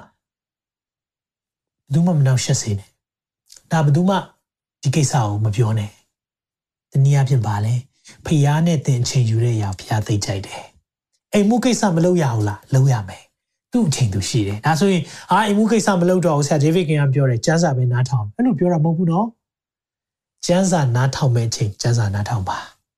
ကျန်းစာနားထောင်မဲ့အချိန်မှာတခြားအရာသွားလိုက်ထိုင်လိုက်ထားလိုက်လက်ဖေးထားဖြော်လိုက်မုံသွားစားလိုက်အဲ့ဒါအဲ့ဒီလူတွေကိုပြောနေတာဒီနေ့ဒါကြောင့်မလို့လေ ခြေတော်ရင်းမှာနှုတ်ပတ်တော်ဆင်ကျင်နေဆိုတော့ဒါကြောင့်ကျွန်တော် notes မှခိုင်းတာကျွန်တော်နှုတ်ပတ်တော်တွေကျွန်တော်လည်းသိချပြင်ဆင်ထားတယ် PowerPoint နဲ့သိချဒီအတွက်အချိန်အများကြီးပေးရတယ်ပြင်ဆင်ထားတယ်မိတ်ဆွေကိုနားလည်စေချင်လို့ဒီနေ့ entertainment ဆိုရယ်ဖျော်ဖြေရေးလုပ်တာလုံးဝမဟုတ်ဘူးမိတ်ဆွေရဲ့ဘဝ transformation အသက်တာပြောင်းလဲတာကိုကျွန်တော်ဖြစ်စေချင်လို့လုပ်ပေးတာဖြစ်တယ်။အဲကြောင့်မိတ်ဆွေနားလည်ပါဒီနေ့မှာသင်ဘာနဲ့စိတ်ပူနေလဲ။ရှင်းလင်းသောစိတ်ရဖို့ရန်အတွက် ဒုတိယလောက်ရမယ့်အရာကအနှောက်ယှက်တွေဖယ်လိုက်တော့ကိုဘာနဲ့ကိုကိုဘာအနှောက်ယှက်ပေးဆုံးလဲဒီနေ့ဘာအနှောက်ယှက်ပေးနေဆုံးလဲကျွန်တော်တို့ဖုန်းမိပဲဖြစ်နေလိမ့်မယ်တော်တော်များများအတွက်တော့ဖုန်းဖြစ်နေလိမ့်မယ်တော်တော်များများအတွက်တော့အဲ့ဒီအနှောက်ယှက်ကနော်ကျွန်တော်တို့ဖုန်းခဏခါပြောတဲ့လူတွေများဖြစ်နေမလားနော်အောင်နမရီကတတိပေးတယ်ဒီတယောက်နဲ့ဖုန်းသိမ့်မပြောနဲ့နော်မလွန်ဆန်နိုင်ဘူးရှင်းလင်းတဲ့စိတ်ကလေ စီကံရှိတယ်ရှင်းလင်းတဲ့စိတ်ကလေကာမဂုဏ်ချုပ်တည်ခြင်းရှိတယ်ရှင်းလင်းတဲ့စိတ်က good judgment ဆိုတဲ့ဆုံးဖြတ်ချက်မှန်ကန်တယ်ဖွင့်ပြောစရာတွေရှိတာကိုအတွင်းရေးပြင်ရေးမသိနော်တကယ်ဆယ်ကြီးတစ်ခုလုံးဖောက်ဖြက်တယ်လို့မျိုးကျွန်တော်စကားပြောတတ်တယ်မလုပ်ပါနဲ့ဒီနေ့မှာရှင်းလင်းသောစိတ်ရှိရဲ့အဲ့ဒီရဲ့အနောက်ရှက်တွေဖယ်လိုက်ဒီဒီဆူတောင်းဖို့ဘုရားလိုတော့ရှိတယ်နှုတ်ပတ်တော်ဆင်ခြင်မှုဘာအတွက်အရေးကြီးဆုံးလဲ ခုနနံပါတ်1ကိုပြန်သွားတာဘယ်အရာတင်အတွက်အရေးကြီးဆုံးလဲအဲကြောင့်အရေးကြီးဆုံးသောအရာအရေးကြီးဆုံးမှထားပါအနောက်ရှက်တွေဖယ်ပါနံပါတ်3ချက်သွားရအောင်အဲ့ဒါဘာလဲဆိုတော့စိတ်နှလုံးကိုအသစ်ပြင်ဆင်ပါစိတ်နှလုံးအသစ်ပြင်ဆင်ဖို့လိုတယ်ဒါဆိုစိတ်နှလုံးလို့ပြောတဲ့အခါမှာကျွန်တော်တွေးတွေးတောတဲ့ကြံစီတဲ့ mind ပေါ့ renew your mind လို့အင်္ဂလိပ်ကျမ်းစာမှာသုံးတယ် renew your mind mind ဆိုတာကိုယ့်ရဲ့တွေးခေါ်နေတဲ့အရာကိုအ သစ်ပြုပြင်ပါတဲ့ဒါဆိုဘယ်လိုပြုပြင်မလဲကျမ်းစာထဲမှာပဲဖြစ်ပါတယ်ယောမစနစ်ထဲမှာကျွန်တော်ရဲ့အကြိုက်ဆုံးကျမ်းပိုက်တွေတရားတစ်ခုဖြစ်တယ်ခရစ်တော်နဲ့အသစ်တော်အသက်သားဆိုတဲ့ခေါင်းစဉ်လေးအောက်မှာရှိတယ်နံပါတ်1ကနေဖတ်အငယ်1ကနေဖတ်ပါမယ်ညီကိုတို့အသက်ရှင်ခြင်းလက္ခဏာတန့်ရှင်ခြင်းလက္ခဏာဖျားသခင်နှစ်သက်တော်မူဖွယ်သောလက္ခဏာနဲ့ ပြည့်စုံသောရည်ကိုသင်တို့သည်ပူဇော်၍မိမိကိုယ်ခန္ဓာကိုဖျားသခင်အားဆက်ကပ်ခြင်းပြောကြည့်ပါမိမိကိုယ်ခန္ဓာကိုဖျားသခင်အားဆက်ကပ်ခြင်းတော့ကျွန်တော်တို့ဖျားကိုဆက်ကပ်တယ်ဆိုတာမိမိကိုယ်ခန္ဓာပါတယ်ဟာဆူတောင်းဖို့ရန်အတွက်လေးနေလိုက်တာမရဘူးမိမိကိုယ်ခန္ဓာစက္ကပ်ဖို့ဟာကျန်းစာဖတ်ရင်ဘာမတွလို့ပဲဒါဆိုညအိတ်ခဏီးဖတ်လိုက်လေညအိတ်မပြောတဲ့သူတွေအဲ့ဒါကြလည်းမဖတ်ဘူးဖုန်းမဲကြည့်နေပြန်ရော ဒီနေ့ကျွန်တော်တို့ကတော်တော်များများရဲ့ပြဿနာပါလဲဆိုတော့အရေးကြီးဆုံးသောအရာကိုအရေးကြီးဆုံးသောနေရာမှာမထားတဲ့အခါမှာတချို့ကိစ္စတွေကအဆင်မပြေတော့ဒါပဲပြဿနာလေအဲကြောင့်ကျွန်တော်ကြည့်အောင်မိမိကိုယ်ခန္ဓာကိုဘုရားသခင်အားဆက်ကပ်ခြင်းတည်ဟူသောသင်တို့ပြုအပ်သော word တဲ့နော်ဝတ်ဆိုတဲ့အရာကပြုကိုပြုရမယ့်အရာအဲ့ဒီမှာဖခင်ရဲ့ဂိူနာကိုထောက်ထားပြီးတော့ပြောမယ် တဲ့တင်တို့ဒီလောကီပုံသဏ္ဍာန်ကိုမဆောင်ကြနဲ့ခုနပြောတဲ့အရာလောကီနဲ့မိသားရဖွဲ့တဲ့အရာလောကီပုံသဏ္ဍာန်ဆောင်တယ်လို့ပြောတဲ့အခါမှာကျွန်တော်တို့တွေကလောကသားတွေနေတယ်လို့ပဲနေခြင်းနဲ့လောကသားတွေရှိတယ်လို့ပဲရှိခြင်းနဲ့လောကသားတွေလှုပ်တယ်လို့ပဲလှုပ်ခြင်းနဲ့ဒီနေ့မှာတန့်ရှင်းသောသူလို့ဆိုတဲ့အဓိပ္ပာယ်ကိုသိလားတန့်ရှင်းသူ holy people ဆိုတဲ့အဓိပ္ပာယ်သိလား holy holy ရဲ့အဓိပ္ပာယ်တန့်ရှင်းခြင်းဆိုတာတီးတန့်ဖယ်ထားတော်သူတဲ့ တန့်ရှင်းသောသူဆိုတဲ့အဓိပ္ပာယ်ကတီးတန့်ဖယ်ထားသောသူ set apart set apart တီးတန့်ဖယ်ထားတာအဲကြောင့်လောကသားတွေနဲ့သင်ဟာခွဲခြားလို့မရဘူးဆိုရင်ဒါ holy people ဟုတ်ရဲ့လားလို့မင်းကတော့ဆရာအကြောင်းရှိတယ်အဲကြောင့်ဒီနေ့မှာကျွန်တော်တို့ဟာတန့်ရှင်းသောသူများဖြစ်တယ်ဆိုရင်ဖခင်ကတီးတန့်ဖယ်ထားသောသူဖြစ်စေခြင်းနဲ့တင့်ကိုလူတွေကြည့်တဲ့အခါမှာထူးကိုထူးခြားနေရမယ်ဒီတယောက်ထူးခြားတယ် နော်ဆိုတော့ထူးခြားတယ်ဆိုတဲ့ကမှာ weird ပေါ့နော်ဟုတ်လားဟိုလူထူးလူဇန်းကြီးဖြစ်တာမျိုးပြောတာမဟုတ်ဘူးသူ့ရဲ့နေပုံထိုင်ပုံမှာကောင်းတဲ့အရာဘက်မှာထူးခြားတာကိုပြောတာနော်ဒီလိုမျိုးထူးခြားနေတယ်ဘာကြောင့်လဲ holy တန်ရှင်တော်သူဖြစ်တာအဲကြောင့်လောကီပုံသဏ္ဍာန်မဆောင်နဲ့တဲ့ကောင်းမြတ်သောအရာနှစ်သက်ဖွယ်သောအရာစုံလင်သောအရာတည်ဟူသောဘုရားသခင်အလိုတော်ရှိသောအရာသည်အဘယ်အရာကိုသင်ယူနိုင်မည်အကြောင်းအဲ့ဒီမှာနောက်ပိုင်းကျရင်ကျွန်တော်သင်ပေးမယ်သုံးဆင့်ရှိတယ်ဘုရားရဲ့အလိုတော်မှာ ကောင်းမြတ်သောအရာနှစ်သက်ဖွယ်သောအရာနဲ့စုံလင်သောအရာဘုရားရဲ့အလိုတော်မှာတော့သုံးမျိုးရှိတယ်နော်ဖခင်ကကောင်းမြတ်သောအရာဆိုတာနော် okay good good နော်လက်ခံလို့ရတယ်နှစ်သက်ဖွယ်သောအရာဆို I like it စုံလင်တဲ့အရာ perfect နော်ဖခင်ရဲ့အလိုတော်၃မျိုးရှိတယ်သင်ဘယ်ထဲမှာရှိနေလဲတော့မသိဘူးဒါကြောင့်ကျွန်တော်နောက်ပိုင်းမှာဖခင်ရဲ့အလိုတော်အကြောင်းပြောတဲ့အခါမှာဒီအကြောင်းပြောပြမယ် အဘယ်အရာဖြစ်ဒီကိုသင်နိုင်မိကြောင်းစိတ်နှလုံးကိုအသစ်ပြင်ဆင်၍ပုံသဏ္ဍာန်ပြောင်းလဲခြင်းသို့ယောက်ျားလောပြောကြည့်ပါစိတ်နှလုံးကိုအသစ်ပြင်ဆင်၍ပုံသဏ္ဍာန်ပြောင်းလဲခြင်းသို့ယောက်ျားလောပုံသဏ္ဍာန်ပြောင်းမဖို့ကစိတ်နှလုံးကိုအသစ်ပြင်ဆင်ရမယ်တဲ့ဘာနဲ့ပြင်ဆင်မလဲဒီနေ့မှာမိမိကိုယ်ခန္ဓာကိုဖရာသခင်အားစက္ကပ်ခြင်းအာမင်ဒါဆိုစိတ်နှလုံးအသစ်ဘလို့ပြင်ဆင်မလဲမိမိကိုယ်ခန္ဓာကိုဖရာသခင်အားစက္ကပ်ခြင်းဒါကြောင့်မလို့ ကျွန်တော်တို့က feeling နဲ့သွားလို့မရဘူး feeling နဲ့သွားပြီဆိုရင်ကျွန်တော်တို့ကအာလေးလံလိုက်တာဆုမတောင်းခြင်းအဲ့လိုမရဘူးဆုတောင်းမဲ့အချိန်ရအောင်တောင်းတယ်ဒန်ယေလဘာလုပ်လဲတနေ့၃ချိန်ဆုတောင်းတယ်တနေ့၃ချိန်ဆုတောင်းတော့ဆုမတောင်းရဘူးလို့တဲ့ခါမှာနော်သူကိုယ်တိုင်စန့်ကျင်တယ် CDM လုပ်ပြီးတော့ကိုဆုတောင်းသေးတယ်ဆုတောင်းတယ်နှစ်ပေါင်းဘယ်လောက်ကြာတယ်သိလား60ဆုတောင်းတာနော်60ကျော် နှစ်ပေါင်း60ကျော်တနေ့3ချိန်ဆူတောင်းတာကျွန်တော်တို့ကတနေ့3ချိန်ဆူတောင်းနေပဲသိတာဒါပေမဲ့သူ့ကိုဘာဘူးလုံးခေါ်သွားပြီးတော့တော့ပြန်ရမယ့်အချိန်ထိတွက်လိုက်တဲ့အခါမှာနှစ်ပေါင်း60ကျော်တနေ့3ချိန်ဆူတောင်းတယ်တရက်မှမပြတ်ဘူးဘာကြောင့်လဲ feeling နဲ့သွားမယ်ဆိုရင်တော့ဆူတောင်းနိုင်မှာမဟုတ်ဘူးအကြောင်းဆူတောင်းတဲ့သူတွေကသိတာတယ်ဆူတောင်းတဲ့သူတွေကသူ့အချိန်ရအောင်သူဆူတောင်းတော့မှာမဆူမတောင်းရရင်မနေနိုင်ဘူး အဲကြောင့်ဆူတောင်းတဲ့သူအချင်းချင်းဆိုလဲချက်ချင်းသိတယ်ဒီတယောက်ဆူတောင်းတယ်။ဘာကြောင့်ဆိုဆူတောင်းတဲ့သူနဲ့ပဲဘုရားအလုပ်လုပ်တယ်။အခုကြည့်လိုက်ပါဆူတောင်းခြင်းမှာပဲဘုရားရဲ့အလုပ်လုပ်ခြင်းလည်းရှိတယ်။အဲကြောင့်သခင်ယေရှုကတပည့်တော်တွေကိုပြောတာငါနဲ့တနာရီလေးတောင်မင်းတို့ဘာလို့ဆူတောင်းနိုင်တာလဲ။ပေတရုယာကုပ်ယောဟန်အေးနေဆူတောင်းမယ်ပြောတော့ထထပင်ပန်းနေဟိုသခင်ယေရှုက ကားတိုင်းတက်ခံနေပြီအရန်ကြေကွဲနေပြီဒါပေမဲ့သူတို့ကအေးစီပဲငါနဲ့မဆိုင်ဘူးတင်တယ်ဆိုင်နေငါနဲ့မဆိုင်ဘူးထင်တယ်လို့ထင်နေတဲ့သူတွေမြန်မာပြည်ရေးဟာတင်တဲ့လည်းဆိုင်နေတအားဆိုင်နေဒီချိန်မှာဆူတောင်းမှုလိုတယ်ဆူတောင်းခြင်းကိုကဲ့ရဲ့လာမဲ့အချိန်တွေရှိလိမ့်မယ်ဆူတောင်းခြင်းကအဖြစ်ပမာလဲလို့မင်းခွန်းထုတ်လာတဲ့သူတွေရှိလိမ့်မယ်မကြောက်နဲ့ဒါပုံမှန်ပဲဆူတကယ်တောင်းပြီဆိုတာအမြဲရှိတယ်ချင်းသေးတွင်းတဲ့ကိုချခြင်းတဲ့အချိန်ထိဖြစ်လာလိမ့်မယ် ဒါပေမဲ့ဆုတောင်းဖို့လိုတယ်ဆုတောင်းပါဟာလေလုယာဒီနေ့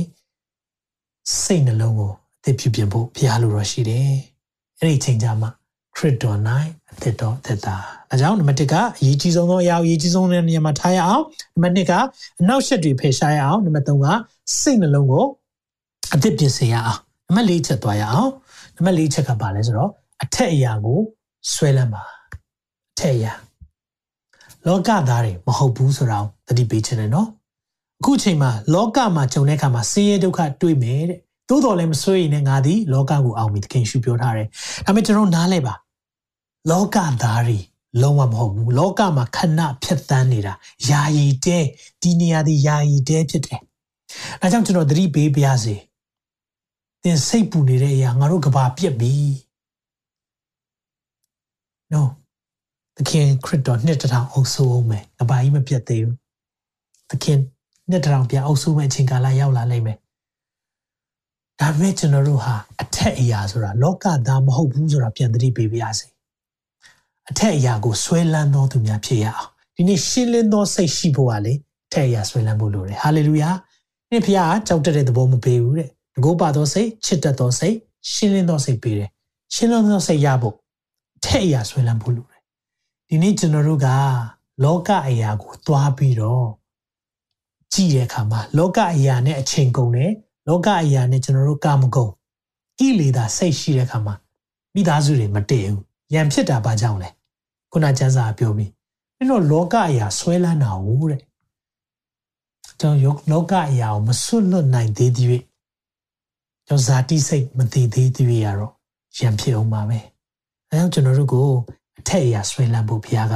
ပြောထားတယ်။နှုတ်ပတ်တော်နဲ့တစ်ချက်လောက်ကြည့်အောင်။ကောလောသဲဩဝါစာခန်းကြီးသုံးငယ်1မှာဒီလိုပြောပါရယ်။အထက်ဆိုခဲ့ပြီးသည့်အတိုင်းသင်တို့သည်ခရစ်တော်နှင့်အတူထမြောက်ကြသည်မှန်လေ။ခရစ်တော်နှင့်အတူထမြောက်ပြီးပြီလား။ထမြောက်တာမှန်နေဆိုရင်တဲ့ဘုရားသခင်လက်ရတော်ဖက်မှာထိုင်တော့အဲ့ဒါဖက်မှာခရစ်တော်သည်ထိုင်နေတော်မူရာအရက်၌ရှိသောအထက်အရာကိုရှာကြလော ဒါဆိုခရစ်တော်နဲ့အတူရှင်ပြန်ထမြောက်ရင်အခုခရစ်တော်ဘယ်မှာလဲခမဲတော်ရဲ့လက်ရာမှာရှိတယ်ဒါဆိုသင်ဘယ်မှာရှိလဲ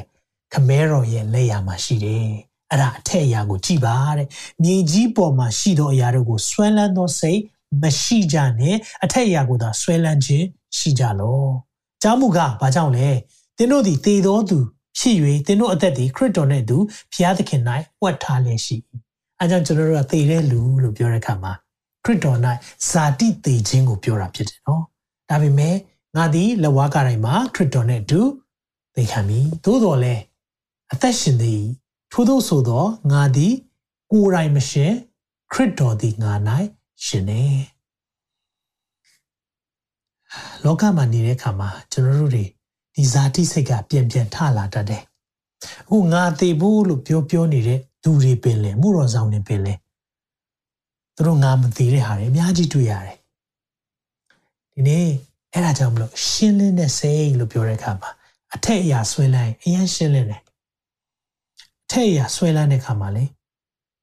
စိတ်မပူလောကရတယ်ကျွန်တော်ဘယ်အချိန်မှာကျွန်တော်ရဲ့စိတ်ဝိညာဉ်အပေါ့ပါဆုံးနဲ့ကျွန်တော်စိတ်ဝိညာဉ်အလွတ်မြောက်ဆုံးချိန်လဲဆိုရင်လေကျွန်တော်အင်္ဂလိပ်သွားတဲ့ချိန်တွေမှာအရန်ပေါ်ပါတယ် အဲ့ချိန်မှာတခါလေဆရာမအိမ်မှာတယောက်တည်းကြံခဲ့တယ်သူ့အတွက်စိတ်ပူလားဆိုကျွန်တော်လုံးဝမပူအော်စရာကျွန်တော်စိတ်ကအဲ့ဒီချိန်မှာအထက်အရာအထူးအလုပ်လုပ်နေတယ်ဖះနိုင်ငံတော်အတွက်သွားနေတဲ့အခါမှာဖះတာဝန်ယူကိုယူမဲဆိုတဲ့စိတ်ကအယံကိုစိတ်ထဲမှာလေစိတ်ချမှုတခုရှိတယ်မိတ်ဆွေကိုလည်းဒီနေ့သင်ပေးခြင်းတယ်ကျွန်တော်တို့သွားနေတဲ့အရာအထက်အရာအတွက်သွားနေတာကောင်းကင်အရာအတွက်ကျွန်တော်တို့အလုပ်လုပ်နေတာဖြစ်တယ် ဒါကြောင့်မလို့လောကမှာရှိတဲ့အရာအတွက်ဖះတာဝန်ယူမယ်ကျွန်တော်တို့ကလေတမလွန်နောင်ရေးအတွက်ကိုဖះကိုစိတ်ချတယ်ပြင်ဆင်ယူရင်ဘယ်မှာနေရမလဲဆိုစိတ်တွေပူဒေါသတွေထွက်လူတတ်ချင်စိတ်ဖြစ်ဘာကြောင့်လဲစိတ်ချမှုကလေလောကအရာမှာပဲရှိသေးလို့အထက်အရာဆွဲလန်းတဲ့သူကြတော့အဲ့လိုမဟုတ်တော့ဘူးအေးဆေးပဲကိစ္စမရှိဘူးငါတို့ဒီချိန်မှာဖျားနဲ့ငါတို့ချိန်ယူနိုင်ပြီပြီစားစရာရှိရင်ရပြီ ငါတို့လောကမှာဘာအတွက်သက်ရှင်အောင်ပါလဲဖျားနိုင်ငံတော်အတွက်ပဲသက်ရှင်မယ်လို့စဉ်းစားကြည့်ဟိုးတမလွန်ကာလအတွက်ကြတော့ခရစ်တော်စိတ်ချတယ်မနှက်ဖြင်အတွက်ကြတော့ကျွန်တော်တို့ကစိုးရိမ်ပြီမဟုတ်ဘူးမိတ်ဆွေသင်တမလွန်အတွက်တောင်စိတ်ချနိုင်တယ်ဆိုရင်မနှက်ဖြင်အတွက်လည်းစိတ်ချပါအာမင်ဒီချိန်မှာစိုးရိမ်မှုတွေရက်ွက်ထဲမှာပြစ်ဖောက်မှုတွေပြစ်တတ်မှုတွေဖမ်းဆီးမှုတွေရှိတယ်ဒါပေမဲ့ယုံကြည်ပါတမလွန်အတွက်တင့်ကိုတာဝန်ယူရဲတဲ့ဖခင်က မနှက်ဖြင်အတွက်လည်းတာဝန်ယူလိုက်မယ်ဟာလေလုယာကျမ်းစာထဲမှာပြောလားတိတိကျကျကိုပြောထားပါတယ်ဘုရားသခင်နိုင်ငံတော်နဲ့ဖြောင့်မခြင်းတရားကိုရှေးဥစွာရှာကြလော့နောက်မှထိုအရာများကိုထား၍ပေးတော်မူလက်တံမာသဲ6 23 33မှာရှိပါတယ်တဖန်နတ်ဖြန်အဖို့မစိုးရင်ကြနဲ့နတ်ဖြန်သည်မိမိအဖို့စိုးရင်လိမ့်မည်ယခုနေ့၌ရှိသောမကောင်းမသင့်သောအရာသည်ယခုနေ့ဖို့လုံလောက်၏ကျွန်တော်ဒီနေ့အတွက်စိုးရင်ရမယ့်ဟာတွေများနေပါပြီ နတ်ဖြန်အတွက်ပို့ပြီးတော့ကြိုပြီးမစိုးရင်ပေးပါနဲ့အားကြောင့်ဖရာတာဝန်ယူမယ်အဲကြောင့်မနေ့ဖြန်အတွက်မစိုးရင်နဲ့တော့မနေ့ဖြန်အတွက်မစိုးရင်နဲ့တော့သခင်ကဘာလို့ပြောလဲဟိုးတမလွန်ကိုတော့ကျွန်တော်တို့တာဝန်ယူရတဲ့ဖရာမနှက်ဖြန်အတွက်လည်းတာဝန်ယူမယ်ဟာလေလုယာဒါကြောင့်ဝန်ခံရဲပါမနှက်ဖြန်အတွက်ကိုတော့တာဝန်ယူလိုက်မယ်လို့ဒီနေ့ဝန်ခံပါအောင်မနှက်ဖြန်အတွက်ကိုတော့တာဝန်ယူလိုက်မယ်လို့သင်ရဲ့မနှက်ဖြန်ကိုတော့တာဝန်ယူမယ်တမလွန်အောင်သင်ကိုတာဝန်ယူပြီးပြီသင်ရဲ့ နောင်ရေးအတွက်တာဝန်ယူပြီးပြီသင်ရဲ့စိတ်ဝိညာဉ်အတွက်တာဝန်ယူပြီးပြီသင်အတွက်အခုအချိန်မှာသခင်ကလေနေစရာအခန်းတွေပြင်ဆင်နေတယ်ဟာလေလုယာသင်နဲ့သူနဲ့ထာဝရကာလတစ်လျှောက်လုံးအတူနေနိုင်မဲ့နေရာအတွက်သခင်ပြင်ဆင်နေတယ်ထာဝရကာလမှာသင်သွားမဲ့လမ်းတွေသူပြင်ဆင်နေထာဝရကာလမှာသင်သင်ကိုအတွက်ကိုပြင်ဆင်ထားတဲ့ဆုလက်တွေလည်းရှိနေတယ်ဒီအရာတွေအတွက်သူအလုရှုပ်နေတဲ့အချိန်မှာသင်ကလက်ဖြန်အတွက်ဆိုရင်ကျွန်တော်တို့ စဉ်းစားကြည့်ရအောင်လုံးဝအတိတ်ပဲမရှိပါဘူးအဲကြောင့်ဒီနေ့လူဆိုတာစိုးရိမ်တက်လားစိုးရိမ်တက်တယ်ဒါပေမဲ့အဲ့ဒီရှင်းလင်းတဲ့စိတ်ကိုဒီနေ့ပြန်ရဖို့ရအတွက်ဘုရားရှင်သင်ကိုမဆာပါစေအဲ့ဒီရှင်းလင်းတဲ့စိတ်ကပါလေအထက်အရာကိုဆွဲလန်းတာကိုရောရှင်းရှင်းလင်းလင်းလေးသိနေဒီနေ့လောကအရာအတွက်ကိုစိတ်ပူမှန်မှုလျော့သွားဖို့လိုတယ်ဟာလေလုယာဒီနေ့နောက်ဆုံးစဉ်းစားကြည့်လိုက်ငါဝိညာဉ်ငရဲမသွားတော့ဘူး ထာဝရမိယိုင်ထဲမှာမကြတော့ဘူးဒီနေ့မှာထာဝရခံစားချက်ထဲမှာနာကျင်မှုတွေမရှိတော့တဲ့နေရာမှာငါမသွားရတော့ဘူးအဲ့ဒီတစ်ခုနဲ့တင်ဘုရားကိုကိုးကွယ်ဖို့လုံလောက်ပြီဟုတ်တယ်နော်လောကမှာပွဲမရတာအိမ်ပိုင်မရှိနိုင်တာကားပိုင်မရှိနိုင်တာနောက်ဆုံးပြောမယ်ဖုန်းပိုင်မရှိနိုင်တာဒီຢာတွေအားလုံးကတကယ်တော့အရေးမကြီးဘူးကျွန်တော်တို့ကအရေးကြီးတယ်လို့ထင်သွားတဲ့အခါမှာရှင်းလင်းတဲ့စိတ်မရှိတော့ဘူး။အဲကြောင့်ဒီနေ့မှာ အထက်အရာနဲ့နိုင်ငံတော်နဲ့ဖြောင့်မတ်ခြင်းကိုဒါဖြောင့်မတ်ခြင်းတရားတော်ကိုရှေးဥစွာရှာပါနော်။နောက်မှထိုရအောင်ပြီးပါ။အာမင်။နောက်မှထိုရထိုရအောင်အရင်လိုချင်တယ်။နိုင်ငံတော်နဲ့ဖြောင့်မတ်ခြင်းကိုပြီးမှရှာမယ်။အဲ့လိုမဟုတ်ဘူး။ကျမ်းစာနဲ့ဆက်ခြင်းပဲဖြစ်သွားတာ။နိုင်ငံတော်နဲ့ဖြောင့်မတ်ခြင်းကိုအရင်ရှာလိုက်။နောက်မှထိုရဖျားပြီးပါ။ဟာလေလုယာ။နောက်ဆုံးချက်သွားရအောင်။ဒီချက်ကတော့ဗာလဲဆိုရင်နောက်ဆုံးချက်နံပါတ်5 ဘုရားသခင်ရဲ့လက်နဲ့ဆုံကိုအမြဲဝတ်ဆင်ပါရှင်းလင်းသောစိတ်ရှိဖို့ဘာလုပ်ရမလဲဘုရားသခင်ပြင်ဆင်ထားတဲ့လက်နဲ့ဆုံဝတ်ဆင်ရမယ်အရေးကြီးဆုံးသောအရာကိုအရေးကြီးဆုံးသောနေရာမှာထားမယ်အနောက်ရှက်တွေကိုဖယ်ရှားမယ်စိတ်နှလုံးကိုအသစ်ပြင်ဆင်မယ်အထက်အရာကိုဆွဲလတ်မယ်ပြီးရင်တော့ဘုရားသခင်ရဲ့လက်နဲ့ဆုံကိုအမြဲဝတ်ဆင်ထားမယ်ဘုရားရဲ့လက်နဲ့ဆောင် ဘုရားကျွန်တော်တို့ကိုဒီလိုတိုက်ခိုက်ခံရမယ်ဆိုတာဘုရားကြိုသိလို့ကျွန်တော်တို့ကိုလက်နဲ့လက်တစ်ခါတည်းပေးထားတယ်ဒါပေမဲ့ကျွန်တော်တို့လက်နဲ့ကပါလက်နဲ့လဲကျန်စာပါပြောလဲဆိုတော့နှစ်ကောခန်းကြီး30ငယ်လေးမှာပြောပါတယ်ငါတို့စစ်တိုက်၍သုံးဆွဲသောလက်နဲ့သည်ဇာတိပဂတိလက်နဲ့မဟုတ်ဖျားသခင်ဤတကိုးတော်အားဖြင့်ဖျားရဲ့တကိုးတော်ဖြစ်တဲ့မြို့ရိုးမြို့ပြတို့ကိုဖြိုဖျက်နိုင်သော လက်နဲ့ဖြစ် stronghold ခံတက်လို့ပြောထားတယ်အင်္ဂလိပ်ကျမ်းစာမှာအဲ့ဒီခံတက်ကိုတော့ဖြိုဖျက်နိုင်တဲ့လက်နဲ့ဖြစ်တယ်တဲ့ကျွန်တော်တို့မှာရှိတဲ့လက်နက်ကသိဆွမ်းပါတယ်ထိုလက်နက်အဖြစ်အဲ့ဒီလက်နက်နဲ့ကျွန်တော်တို့ဘာကိုဖြိုမလဲလူတို့၏အကြံစီတို့ကို၎င်းဖျားသခင်ကိုတည်သောပညာကိုစီးတားသောမာမာနတို့ကို၎င်းနှိမ်ချမှောက်လည်၍ခတ်သိမ်းသောစိတ်တို့ကိုဖမ်းသွားချုပ်ထားလက်ခရစ်တော်၏စကားကိုနားထောင်စေကြ၏တဲ့ ဒီနေ့ကျွန်တော်သုံးနေပါတယ်အဲ့လက်နက်ကိုဒီမှာသိမရှင်းဘူးကျွန်တော်မြန်မာစာခစ်သုံးမြန်မာစာထဲမှာကျွန်တော်ဒါလေးကိုပို့ကြိုက်လို့ကျွန်တော်ဒီထဲကဖတ်ပါမယ်နှစ်ကော30ငယ်လေးမှာပဲခစ်သုံးမြန်မာစာထဲမှာဒီလိုရှင်းထားပါတယ်ငါတို့ကင်ဆွဲသည့်လက်နက်များသည်လူသားတို့ဆွဲငါတို့ဆွဲကင်သည့်လက်နက်များသည်လူသားတို့ဆွဲကင်သည့်လက်နက်များမဟုတ် ခံတက်များကိုကျွန်တော်ပြောတဲ့ဟဲ့ဖြစ်တယ်ခံတက်များကိုဖြိုဖျက်နိုင်သည်ဘုရားသခင်တကူတော်နဲ့ပြည့်စုံသောလက်နက်များဖြစ်၏ဟာလေလုယာဒါကြောင့်မလို့ဒီနေ့မှာဖခင်ရဲ့တကူတော်လက်နက်နဲ့အောင်မြင်ပြီလို့ဝန်ခံပါအောင်ဖခင်ရဲ့တကူတော်လက်နက်နဲ့ အောင်မြင်ပြီလို့ဝန်ခံပါအောင်ဒီနေ့မှာလူတွေကျွန်တော်တို့ကလက်နဲ့မရှိလို့ဆိုပြီးတော့တချို့တွေနော် complaint တက်နေတဲ့အရာတွေတွေ့တယ်အာ comment တွေရေးတဲ့အရာတွေတွေ့တယ်တချို့တွေကလက်နဲ့တွေစုဆောင်းထားခဲ့တဲ့တယ်လို့ပြောနေတဲ့သူတွေရှိတယ်ဒီနေ့ဖခင်ကတင့်ကိုလက်နဲ့ပေးထားတယ်အဲ့ဒီလက်နဲ့ကပါလေခံတက်တွေကိုတော့ဖြိုဖျက်နိုင်တဲ့ဖခင်တကူတော်နဲ့ပြည့်စုံတဲ့လက်နဲ့ဖြစ်တယ်တဲ့အဲ့မှာအဲ့လက်နဲ့နဲ့ဘာလို့လုပ်ရလဲငါတို့ဒီမမှန်ကန်တဲ့ဆွေးနွေးငင်းခုန်ချက်များကို၎င်း နော်တချို့မမှန်ကန်တဲ့ဆွေးနွေးတဲ့အရာတွေဖျားသခင်ဟာတိကျွမ်းမှုပညာကို ပိတ်စီပိတ်ပင်စီးတားသည်မာမာန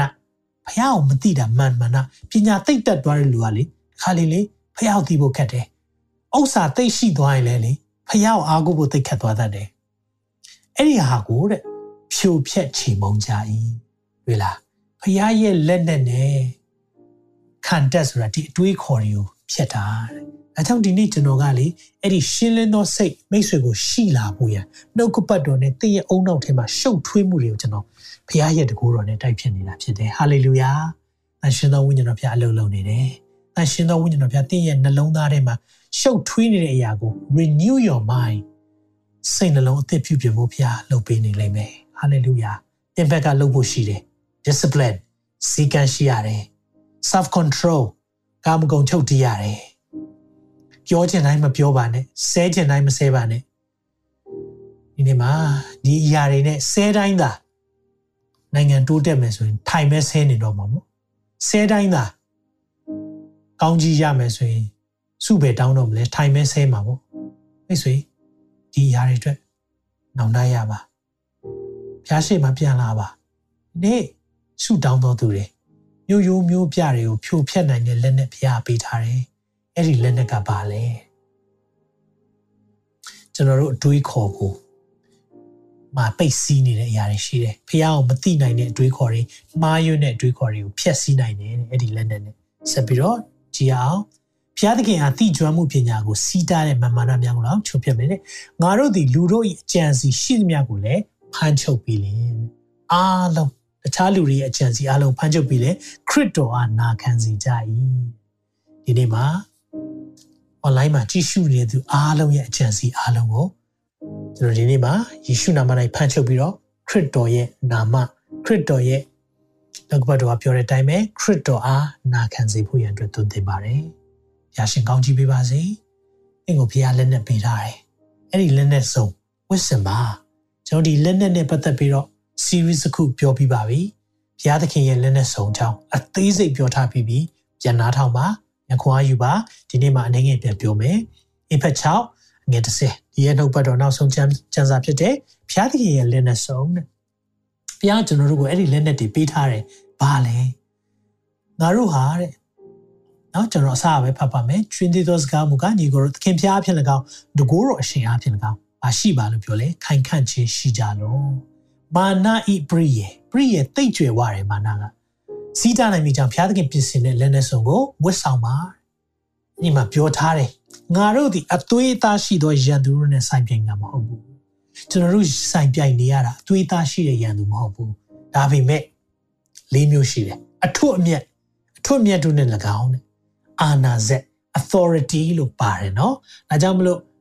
မင်းအာနာဇက်တွေ authority တွေကိုစာတန်အသုံးပြုတတ်တယ်ကျွန်တော်တို့တိုက်ခိုက်နေရတဲ့အထက်မှာ အာနာဇက်တွေလည်းပါတယ်ဆိုတာကိုသိပါစေလောကီမောင်မိုက်၌ဆိုတိယပြုသောမင်းနော်လောကီမောင်မိုက်မှာအုပ်ချုပ်နေတဲ့မင်းမြန်မာပြည်မှာဆို39မိနစ်ရှိတယ်နော်အတွင်းမင်းအပြင်မင်းရှိသေးတယ်နော်ဆိုတော့ပုံများတယ်ကျွန်တော်ပြောရတဲ့မိုးကောင်းကင်နိုင်နေတဲ့နတ်ဆိုးတွေ၎င်းစိုက်ပြန်ရတယ်ဒါခရိယန်တွေယုံကြည်သူတွေစိုက်ပြန်တိုက်ခိုက်ရတဲ့ဟာရှိတယ်အဲ့ဒီမှာပြန်ပြောထားတယ်ခဲရင်ဆွေးရသောနေ့ရက်ကာလ၌စီးတာနိုင်သဖြင့်ကိစ္စအလုံးစုံတို့ကိုပြီးစီး၍ ခံရက်နိုင်နေကြောင်းကိစ္စအလုံးပြီးစီးဖို့ခံရက်နိုင်ဖို့ရန်အတွက်တဲ့ခရင်ဆွေရောက်သောနေ့ရက်ကာလဒီကာလယူပြောတာမဟုတ်ဘူးလားခုကျွန်တော်ကြုံတွေ့နေရတဲ့မျက်ဝါးထင်ထင်ကြုံတွေ့နေရတဲ့ကာလအဲ့ဒါခဲရင်ဆုံးယုတ်သောကာလနှုတ်ဆုံးသောကာလရဲ့ sign တစ်ခုဖြစ်တယ်မိတ်ဆွေရှိနေတာဒါခရစ်တော်ကိုမျှော်ကြည့်ဖို့ဖြစ်တယ်ခရစ်တော်ပြန်လာတော့မယ်ဆိုတဲ့ sign တွေဖြစ်တယ်ဘုရားသခင်ဖြစ်စတဲ့လက်နဲ့ဆုံကိုယူဆောင်ကြလို့ အဲ့မှာယူဆောင်ခိုင်းတယ်ဘာလဲဆိုတော့ကျွန်တော်လက်နဲ့ဆုံ9မျိုးရှိပါတယ်မှတ်ထားပါကျွန်တော်ဒီအကြောင်းအရာကိုအသေးစိတ်ပြောထားပြီးသားဖြစ်တယ်သစ္စာတည်သောကပန်းခပတ်နဲ့တူတယ်သစ္စာရှိပါသစ္စာမရှိရင်ဘာလက်နဲ့မှတခြားလက်နဲ့တွေချိတ်လို့မရဘူးစကားမှသစ္စာရှိပါဖျားပေါ်သစ္စာရှိပါသစ္စာရှိကြည့်ပါပြီးရင်ဖြောက်မှတ်ခြင်းရေဥဒ္ဒစာဖြောက်မှတ်မှန်ကန်ခြင်းကတင့်ကိုလေနှလုံးသားကိုကာကွယ်ပေးတယ်ဖြောက်မှတ်မှန်ကန်ခြင်းမရှိဘူးလိမ့်လဲလှည့်ပြရင်တင့်နှလုံးသားကို စာတန်တိုက်ခိုက်ဖို့တိတ်အခွင့်အရေးရသွားတယ်ဧဝံဂေလိငြိမ်သက်ခြင်းနဲ့ရှင်သောဧဝံဂေလိတရားဟောပြောတဲ့ငါပြည်စံဖြစ်သောခြေစွဖဏမပါပဲသွားလို့မရဘူးဖဏမပါပဲသွားရင်ခီးမပါဘူးထိုဒီ၎င်းပဲဧဝံဂေလိဟောခြင်းဟာငြိမ်သက်ခြင်းကိုဖြစ်စေတယ်ယုံကြည်ခြင်းဒိုင်လွာเนาะယုံကြည်ခြင်းလွှားကိုလည်းတိုင်ထားဖို့လိုတယ်။ဘာကြောင့်လဲလွှားကကာလို့လည်းရတယ်ရိုက်လို့လည်းရတယ်။ယုံကြည်ခြင်းကထိုဒီ၎င်းပဲကျွန်တော်တို့ကိုကာယံပေးထားသလို ယုံကြည်ခြင်းနဲ့လည်းတွန်းလှန်လို့ရတယ်။ဒီအရာကိုကျွန်တော်တို့ပြောထားပြီးပြီးပြီးရင်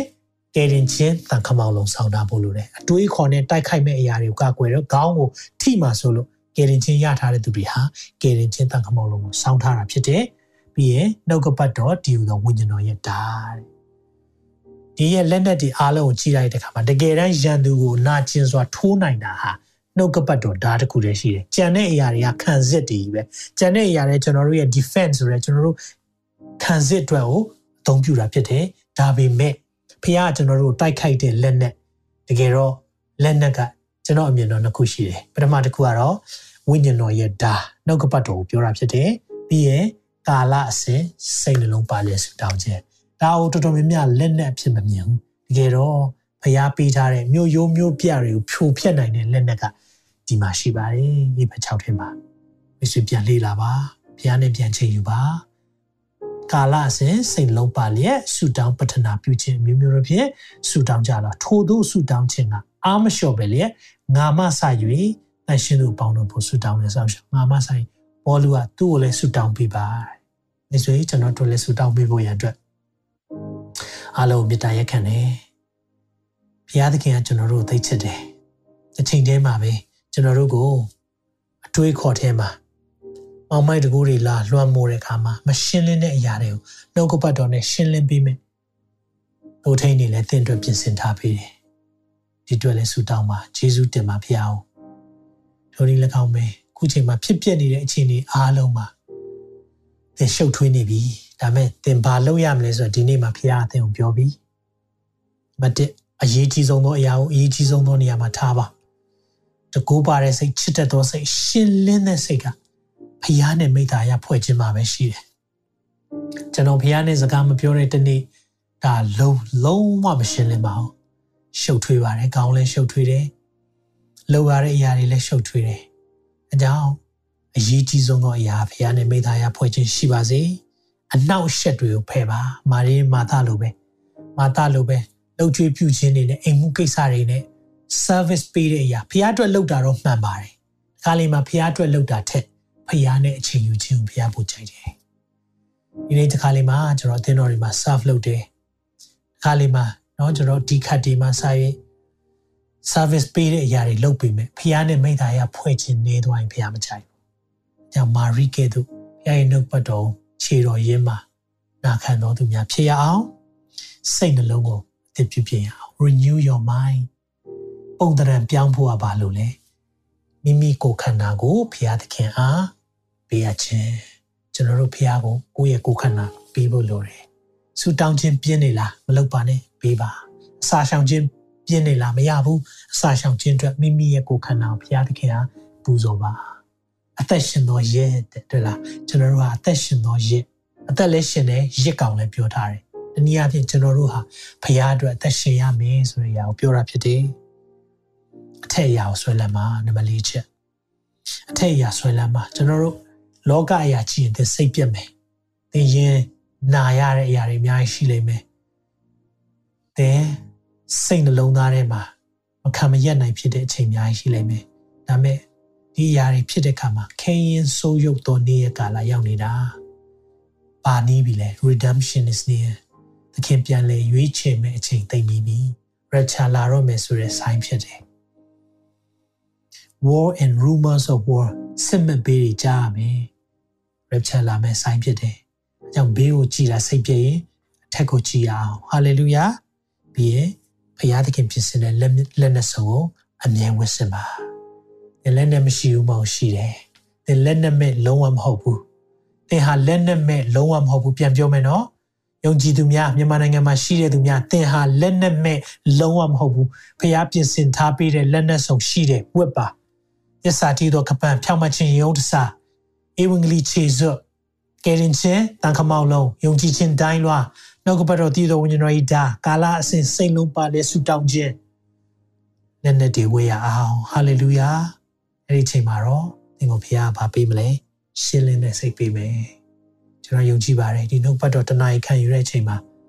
သင်ရဲ့စိတ်ထဲမှာမြောင်များစွာရှင်းလင်းလာပြီဒီ မြန်မာပြည်အတွက်လည်းကျွန်တော်တို့ဆက်လက်ဆူတောင်းသွားမယ်တစ်ချိန်တည်းမှာပဲသိပါတင်မှာလက်နဲ့ရှိတယ်မျိုးရိုးမျိုးပြတွေဖြိုဖျက်နိုင်တယ်လက်နဲ့ရှိတယ်ဒီလက်နဲ့တွေကိုဒီနေ့ကစားပြီးတော့အသုံးပြုရအောင်တရှင်တော်ဖျားနာမတော်ချီးမွမ်းပါတယ်ဒီညနှုတ်ပတ်တော်တကရောယေရှုတင်တယ်ကြောက်တတ်တဲ့စိတ်တဘောကိုကျွန်တော်တို့မပေးဘူး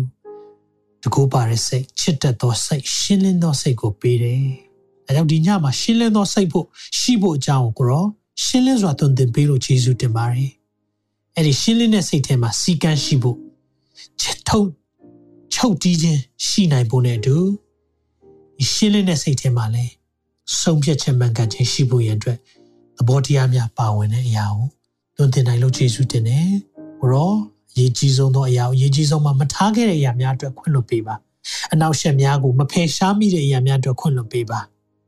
ကိုရောဒီနေ့ကစပြီးကိုရောကိုနံပါတ်1ထားမယ်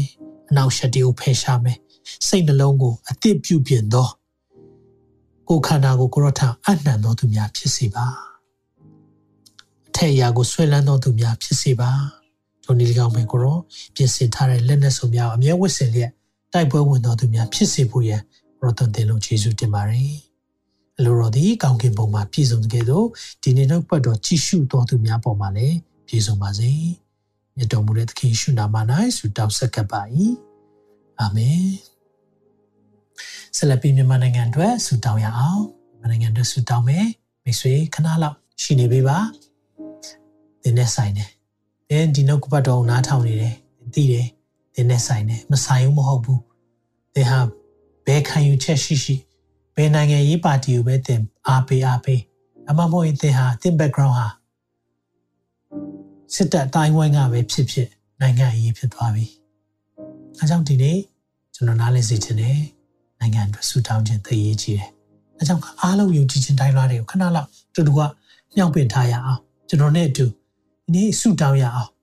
ဖခင်ရဲ့ဖြည့်ရှင်ပေးခြင်းရှိဖို့လိုတယ်။ကျွန်တော်မတတ်နိုင်တော့သိကြတယ်။ကျွန်တော်လှုပ်ဖို့တောင်းရပါလေလက်မြောက်ဖို့ပဲ။မောရှိလက်မြောက်တဲ့အခါမှာစစ်နိုင်တယ်။မောရှိလက်ကျတဲ့အခါမှာစစ်ရှုံးတယ်။ ဒီနေ့ကျွန်တော်တို့ကိုယုံကြည်သူများကိုဖခင်မောရှိနေရာမှာထားတယ်။မြန်မာနိုင်ငံမှာမောရှိတွေအများကြီးလိုအပ်တယ်။မြန်မာနိုင်ငံမှာမောရှိကဲ့သို့သော intersection ဂျားဝင်ဂျားခံဆုတောင်းပေးတဲ့သူတွေလိုအပ်နေတယ်။အဲကြောင့်ကျွန်တော်နဲ့ဒုခဏလောက်မြန်မာနိုင်ငံအတွက်ဂျားခံဆုတောင်းပေးရအောင်။သက်ရှင်သောဖခင်မြန်မာနိုင်ငံကိုကိုရလက်ဝင်နိုင်အနံပါတယ်။သက်ရှင်သောဝိညာဉ်တော်ဖခင်မြန်မာနိုင်ငံရဲ့အဖြစ်အပျက်များအားလုံးကို ကျွန်တော်နားမလည်ပေမဲ့ကိုရောလိုတော်ကိုဝန်ခံပါ၏ကျွန်တော်တို့ကိုကြောက်တတ်တဲ့သဘောမပေးဘူးတကူပါတဲ့စိတ်ချစ်တတ်တဲ့စိတ်ရှင်းလင်းတဲ့စိတ်ပေးတယ်လို့နှုတ်ပတ်တော်ပြောထားပါတယ်ကိုရောပတ်ဝန်းကျင်အခြေအနေတွေကြားနေရတဲ့သတင်းတွေကြားနေရတဲ့တနတ်တန်တွေဟာကျွန်တော်တို့ရဲ့စိတ်ဝိညာဉ်ကိုခြောက်ခြားစေပါတယ်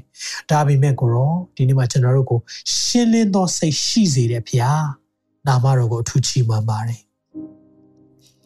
ကိုရောဒီနေ့ကျွန်တော်တို့အခြေအနေကို ကျွန်တော်ထိန်းချုပ်လို့မရပါဒါပေမဲ့ကျွန်တော်ထိန်းထိန်းချုပ်နိုင်တာဒီကျွန်တော်တို့ရဲ့တုံ့ပြန်ခြင်းကိုတော့ထိန်းချုပ်နိုင်တယ်ကိုတော့ကျွန်တော်ထိုင်ဆဲမိတဲ့အဖြစ်တွေအတွက်ခွင့်လွှတ်ပါအားမလို့အားမရဖြစ်ပြီးတော့ကျွန်တော်တို့ပြောဆိုမိတဲ့အရာတွေအတွက်ခွင့်လွှတ်ပါဒီနေ့ကျွန်တော်တို့တကယ်တမ်းလုပ်ရမယ့်အရာဒီကိုတော့ထံအယူခံဝင်ခြင်းနဲ့ရှုတောင်းခြင်းဖြစ်ကြောင်းကိုဒီညညမှာဝန်ခံပါတယ်အဲကြောင့်နိုင်ငံအတွက်ကိုစားပြုပြီးဆုတောင်းပါတယ်ပထမအဆုံးကိုတော့ မြန်မာနိုင်ငံရဲ့အပြစ်များအတွက်ဝန်ချတောင်းပန်တယ်မြန်မာနိုင်ငံဟာကိုရောဒီနေ့အားနေတဲ့သူတွေဖက်မှာမရက်တီခဲ့တဲ့နိုင်ငံခေါင်းဆောင်များရဲ့အပြစ်များအတွက်ခွင့်လွှတ်ပါတိုင်းသားမှစ၍ဒီနေ့အပြစ်မဲ့တဲ့လူသားများကိုတပ်ဖြတ်ခဲ့တဲ့အရာတွေမြို့ရွာများကိုဖျက်ဆီးခဲ့တဲ့အရာတွေလူမျိုးတုံးတပ်ဖြတ်မှုတွေကျူးလွန်တဲ့အရာအားလုံးကိုကိုရောရှေ့မှာဝင်ချတောင်းပန်တယ်လို့ဒီအရာကိုလည်း နိုင်ငံတကာကတရားရုံးမှာကာကွယ်ပေးမိတဲ့အရာတွေအတွက်ခွင့်လွှတ်ပါအားနေတဲ့သူတွေနဲ့မရက်တည်မိတဲ့နိုင်ငံခေါင်းဆောင်တွေရဲ့အဖြစ်တွေလည်းဝင်ချတောင်းပန်ပါတယ်ဒီနေ့မှာကိုရောဒီအရာအတွက်ကိုရောလက်ဝဲနိုင်ကျွန်တော်တို့ပြန်လည်ပြီးတော့အပ်တယ်ကိုရောကိုရောရဲ့စီရင်ချက်ဟာတရားကြောင်းပဲဝင်ခံပါတယ်ဒါပေမဲ့တစ်ချိန်တည်းမှာပဲကိုရောကျွန်တော်တို့ကိုရောရဲ့ divine intervention ကိုရောရဲ့ဂျားဝင် ဖြည့်ရှင်းပေးခြင်းကိုလိုအပ်ကြောင်းဝန်ခံပါတယ်။အကြောင်းကိုတော့လူတွေအနေနဲ့ဥဆောင်နေကြတယ်နိုင်ငံရေးခေါင်းဆောင်များနဲ့မြမရေးဆောင်ရွက်သူတွေပေါ်မှာကိုရောထံကလာတဲ့ဉာဏ်ပညာတက်ရောက်ပါစေ။သာရဖျားကိုကြောက်ရွံ့ခြင်းသည်ပညာ၏အချုပ်ချဖြစ်၏။သာရဖျားကိုကြောက်ရွံ့ခြင်းသည်ပညာ၏မူလအမြစ်ဖြစ်၏လို့ရနှုတ်ဘတ်တော်မှာပြောရတဲ့အအားလုံးမြန်မာနိုင်ငံရေးလှုပ်ဆောင်နေကြသောအကောင်းဆုံးအဖြစ်ရှာနေကြတဲ့သူများပေါ်မှာတက်ရောက်ပါစေ။ ကိုရောကိုရောထမ်းမလာတဲ့ဉာဏ်ပညာဟာထူးခြားပါတယ်ဒါကြောင့်ကိုရောကိုရောထမ်းမလာတဲ့ဉာဏ်ပညာကိုပဲသူတို့အပေါ်မှာပေးပါအထူးဖြင့်ကိုရောကိုရောရဲ့ကိုရောကိုသိတော်သူများဆိုရအဖွဲ့တွေမှာစာ၍နိုင်ငံအရေးမှာလှုပ်ဆောင်နေတဲ့သူများထဲမှာကိုရောကိုချစ်ကြောက်ယိုသေးတဲ့သူတွေပါဝင်လာပါပြီကိုရော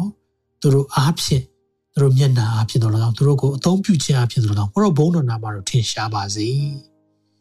ယေရှုတင်တဲ့ကိုရောတတိယအနေနဲ့ကိုရောပြည်သူများပေါ်မှာကိုရောရဲ့ကွယ်ကာခြင်းတကူကိုကြီးညာပါတယ်။ကောင်းကင်တမန်များ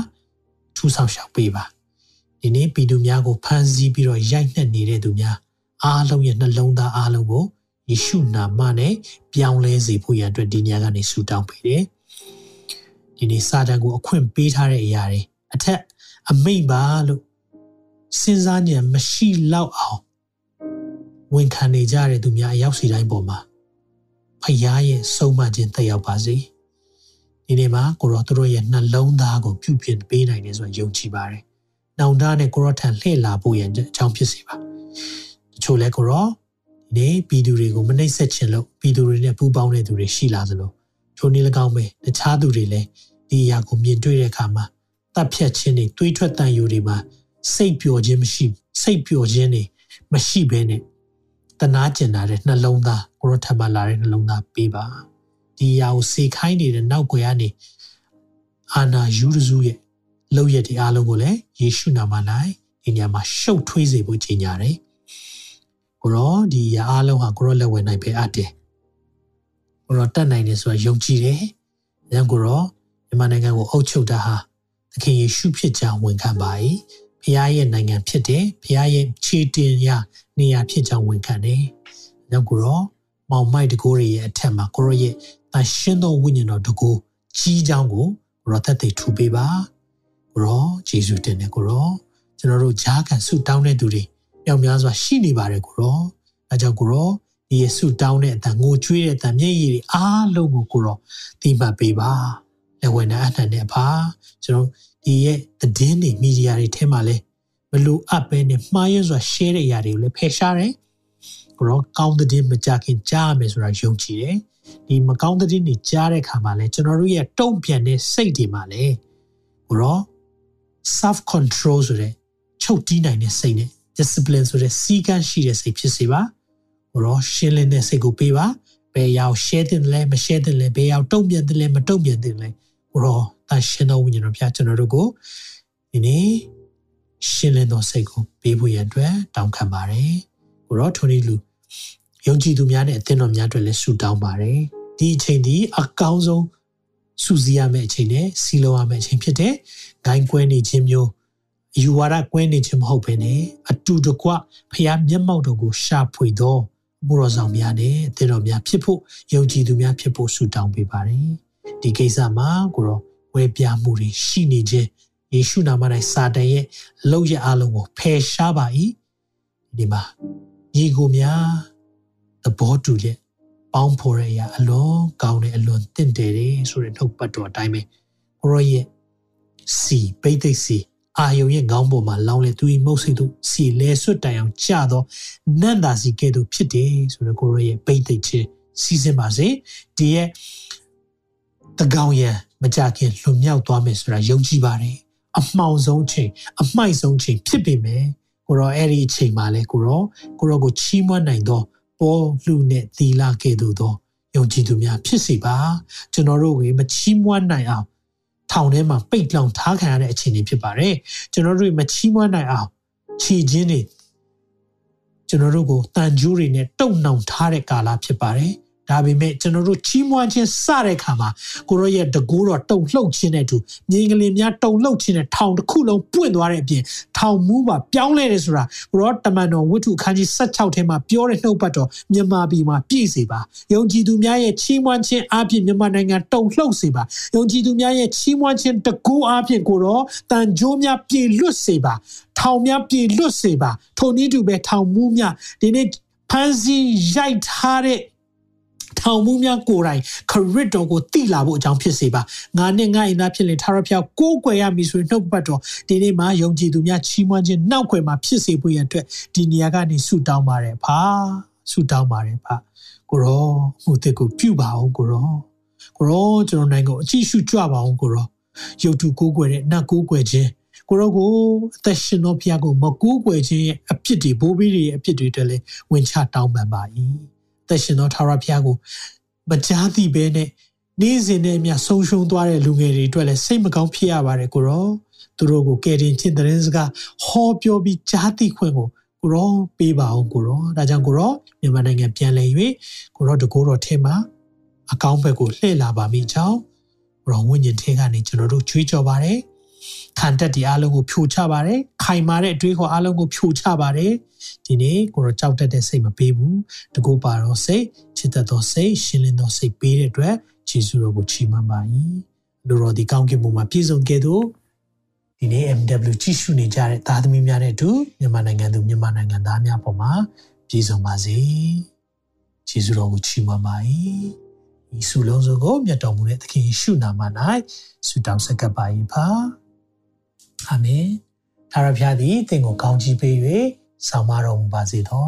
။သာရဖျားသည်သင်၌မျက်နာတော်အလင်းကိုလွှတ်၍ဂယုဏကျေးဇူးပြုတော်မူပါစေသော။သာရဖျားသည်သင်ကိုမျှော်ကြည့်၍ချမ်းသာ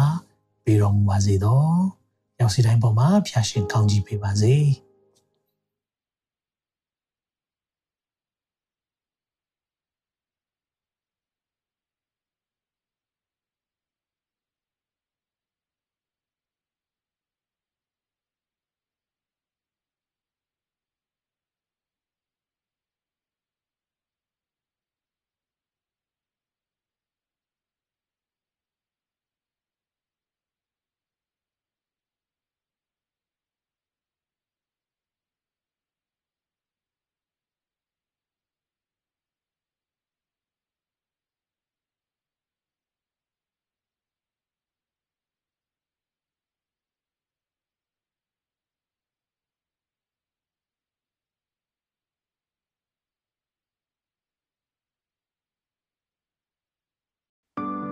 တင်ခုလိုနာဆင်ခွန်အားနိုင်ခြင်းဟာမြန်မာ Worship Ministry ကိုလာဆင်ပန်ပိုးနေကြတဲ့ Kingdom Partners များအကြောင်းဖြစ်ပါတယ်။ဖျားခင်နိုင်ငံတော်ကျယ်ပြန့်ရေးအတွက်လာဆင်ပေးကမ်းပောင်းဖို့ရန်ဖိတ်ခေါ်လိုပါတယ်ရှင်